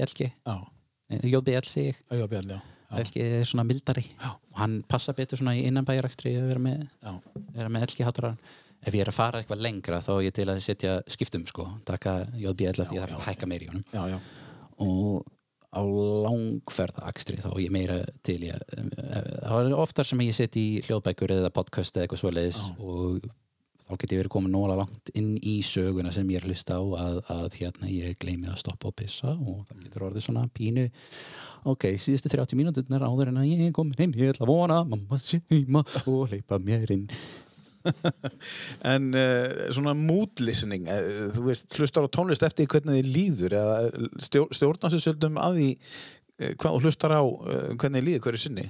Getur tónlist stjórnaði hvernig þið líður? tónlistlega hefur áhrif á það hvernig mér líður og hvernig mér líður hefur áhrif á hvað tónlist ég spila og um, en rosalega oft þá er þetta þannig að bara aftur ADHD heilin Já. þú veist af hverju það maður fær svona lög á heilan Nei. að heilin á manni hann þarf ákveðina örfun Já. og ef það er ekki nægilega mikil örfun í gangi þá skellir hann í screensaver viðbrögð Já. þá byrjar hann að spila tónlist Ok. þetta er bara screensaver í gangi Já. þú ert ekki að gera nógu mikið til þess að heilin á þér upplifi nægilega ör- örfun þannig að hann bara býr til sinna eigin örfun setur playlist í gang Þannig að þessi ef þú talar bara þegar þú reyfir ekki við tölvunni í einhvern ákveðin tíma þá fyrir svona einhver bolti að reyfast um yeah, þetta, er bara, er bara screensaver funksjonin í heilan Þetta er svolítið bara svona heilalöst eitthvað. Já. Að verst er sko þegar að heilin á manni festist á einni setningu í einum texta í einu lagi og hættir ekki. Svona, okay. Gera það? fer maður að finnur lagið spilar það í heilsinni og sér, setur í mjög rosalega gott að Spotify sé með song radio setting af því að þegar við fyrir í song radio út frá laginu sem ég með á heilanum þá það sem kemur á eftir er nægilega tengt því og tengt því sem ég hef hlustað á áður að það nær svona að trubla þessa endurtekningu og ég kemst út úr því Þetta er eitthvað frábær hugmynd. Eh, En, en, en svo er ein, ein hugmynd sem er, sem er líka virkar. Já. Og þá átt að fara með hérna lagið Wake Me Up Before You Go Go með VAM. mm Svo endur taka það nokkur sinnum. Já, Og þá er hitt lagið horfið. já, Og þetta lag sem ég var að syngja getur ekki, getur ekki festið á þér. Þetta, þetta virkar hjá mér sko. Ég bara tek fyrir að Wake Me Up Before Þá er hitt lagið farið já. og hitt fest ekki. Þetta virkar allavega á mér. Og mér var bent á að gera þetta svona. Ég gerði þetta í mörg ár. Já snitt Og ég er mikil vammari sko. mm. Elskar vamm. Það er fullt að góða vanlega sko. Heyrðu, tökum næst síðasta lagið. Um, uh, Am- American Murder Song heitir Jep. bara hljómsveitin. Jep. Sko, söngvarinn í þessari, eða annar söngvarana í þessari hljómsveit er Terence Sturridge Mhm. og hérna hann er meðal hann stektur fyrir að vera í hérna bíósöngmynd sem að heitir hérna uh, Repo the Genetic Opera Já.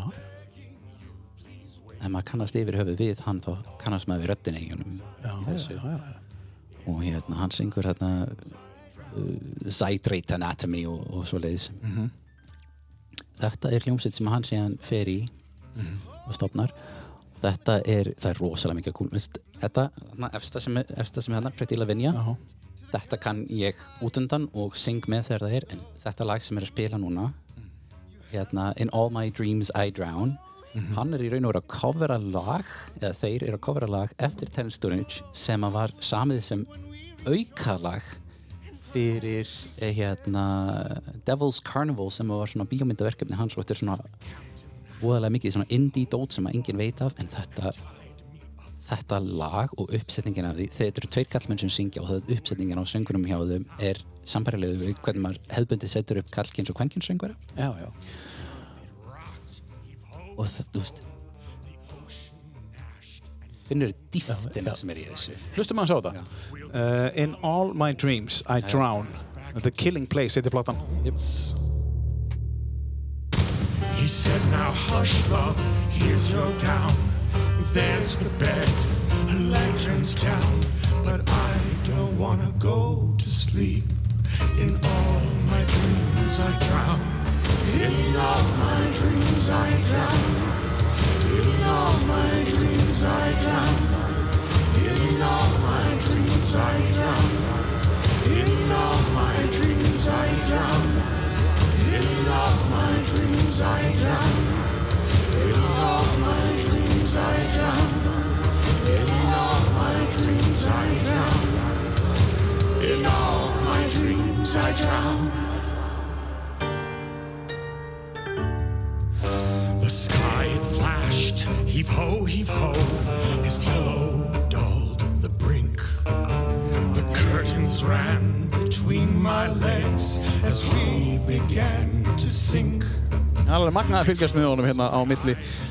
þegar hann uh, syngur heilu lögin. Hálfdansandi í hálfdansandi í hérna í, í, í hérna, hann vantar bara sverði eins og þú segir.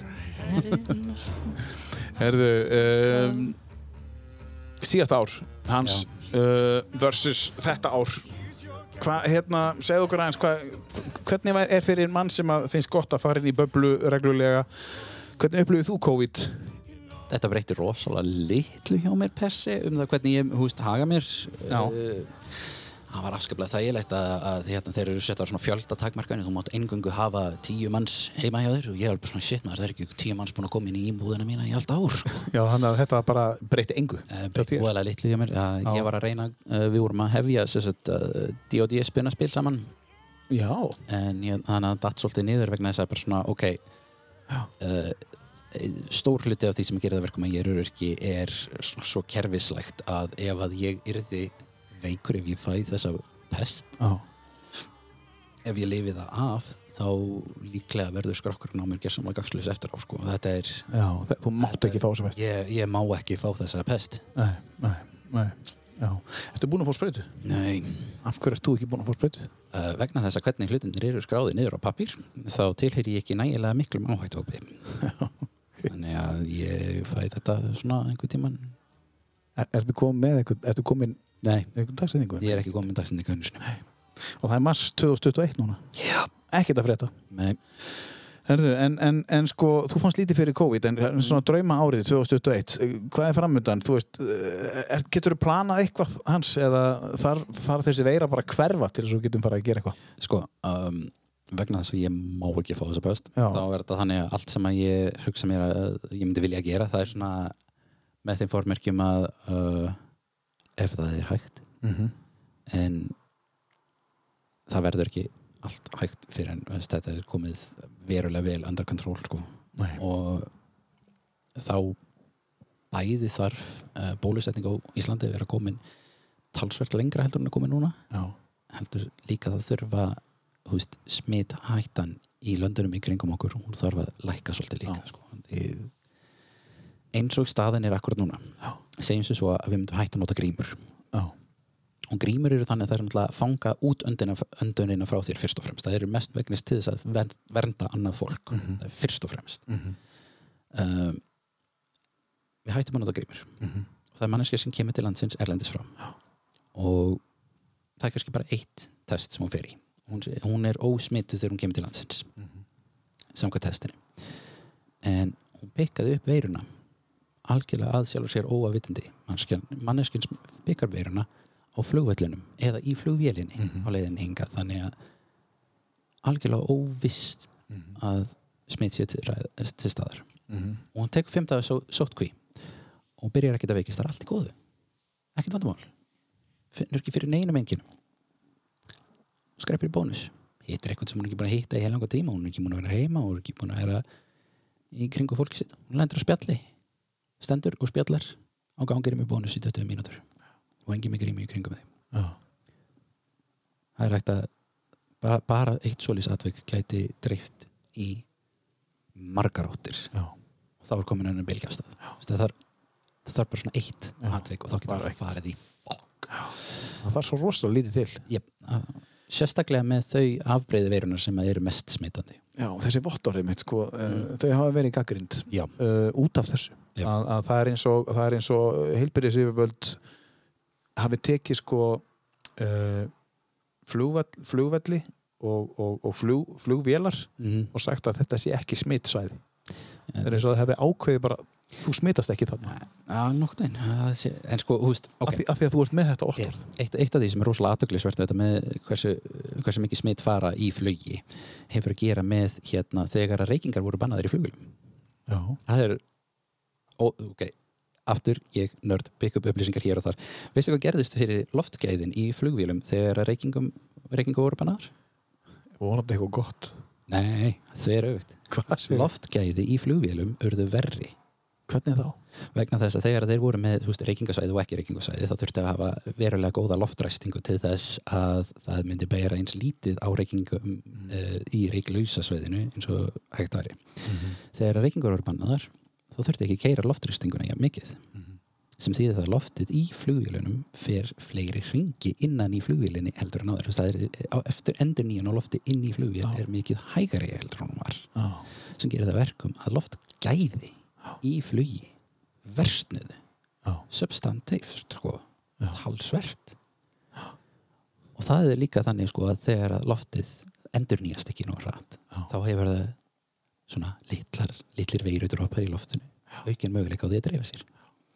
Og nú er náttúrulega fólk bara, já en ég er með grímu í flugvilni það er allir með grímu í flugvilni Já, já. svo fyrir einhver inn á bað inn, á, inn, í, inn í flugvelda, flug, flugvelda flugvéla salernið sem að ég þarf að bakka inn í af því það er ekki nógu mikið plásað inni til þess að skipta um skoðan hvað þú snúður sér við. Uh, og, og svona veist, pissar, fær sér um hendurnar tekur á sér grímuna fær sér vassopa anda frá sér aðeins inn á baði dæsir aðeins, nýtur þess að vera ekki meðal fólks.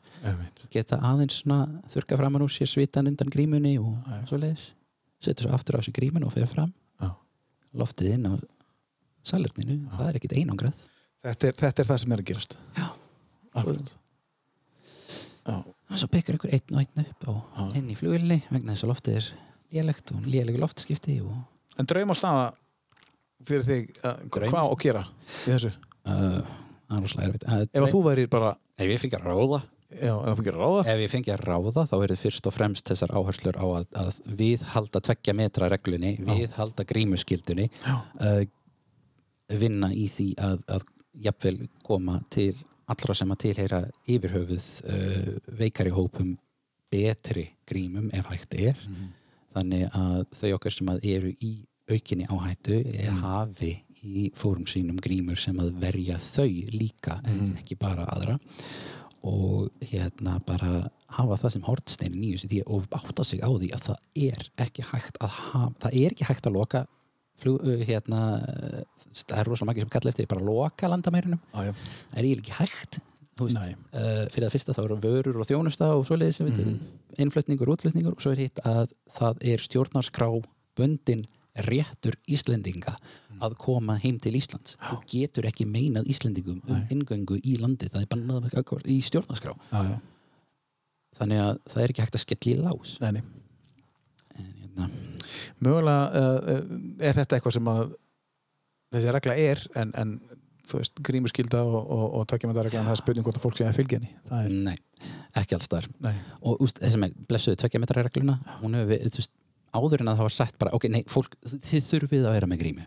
Þá, þá var þetta sett svona að grímu eigi að nota þar sem ekki er hægt að tryggja Já. tveggja metra bíl, tryggja er líkilorðið þar. Það er ekkert hægt að tryggja tveggja metra bíl á milli fólksinn í nokkur í verslun. Það er ekki séns, hægt. Ekki þannig að allir er að ganga með grímur. Yep. það er verið þannig. Það er bara kurtisasatrið líka.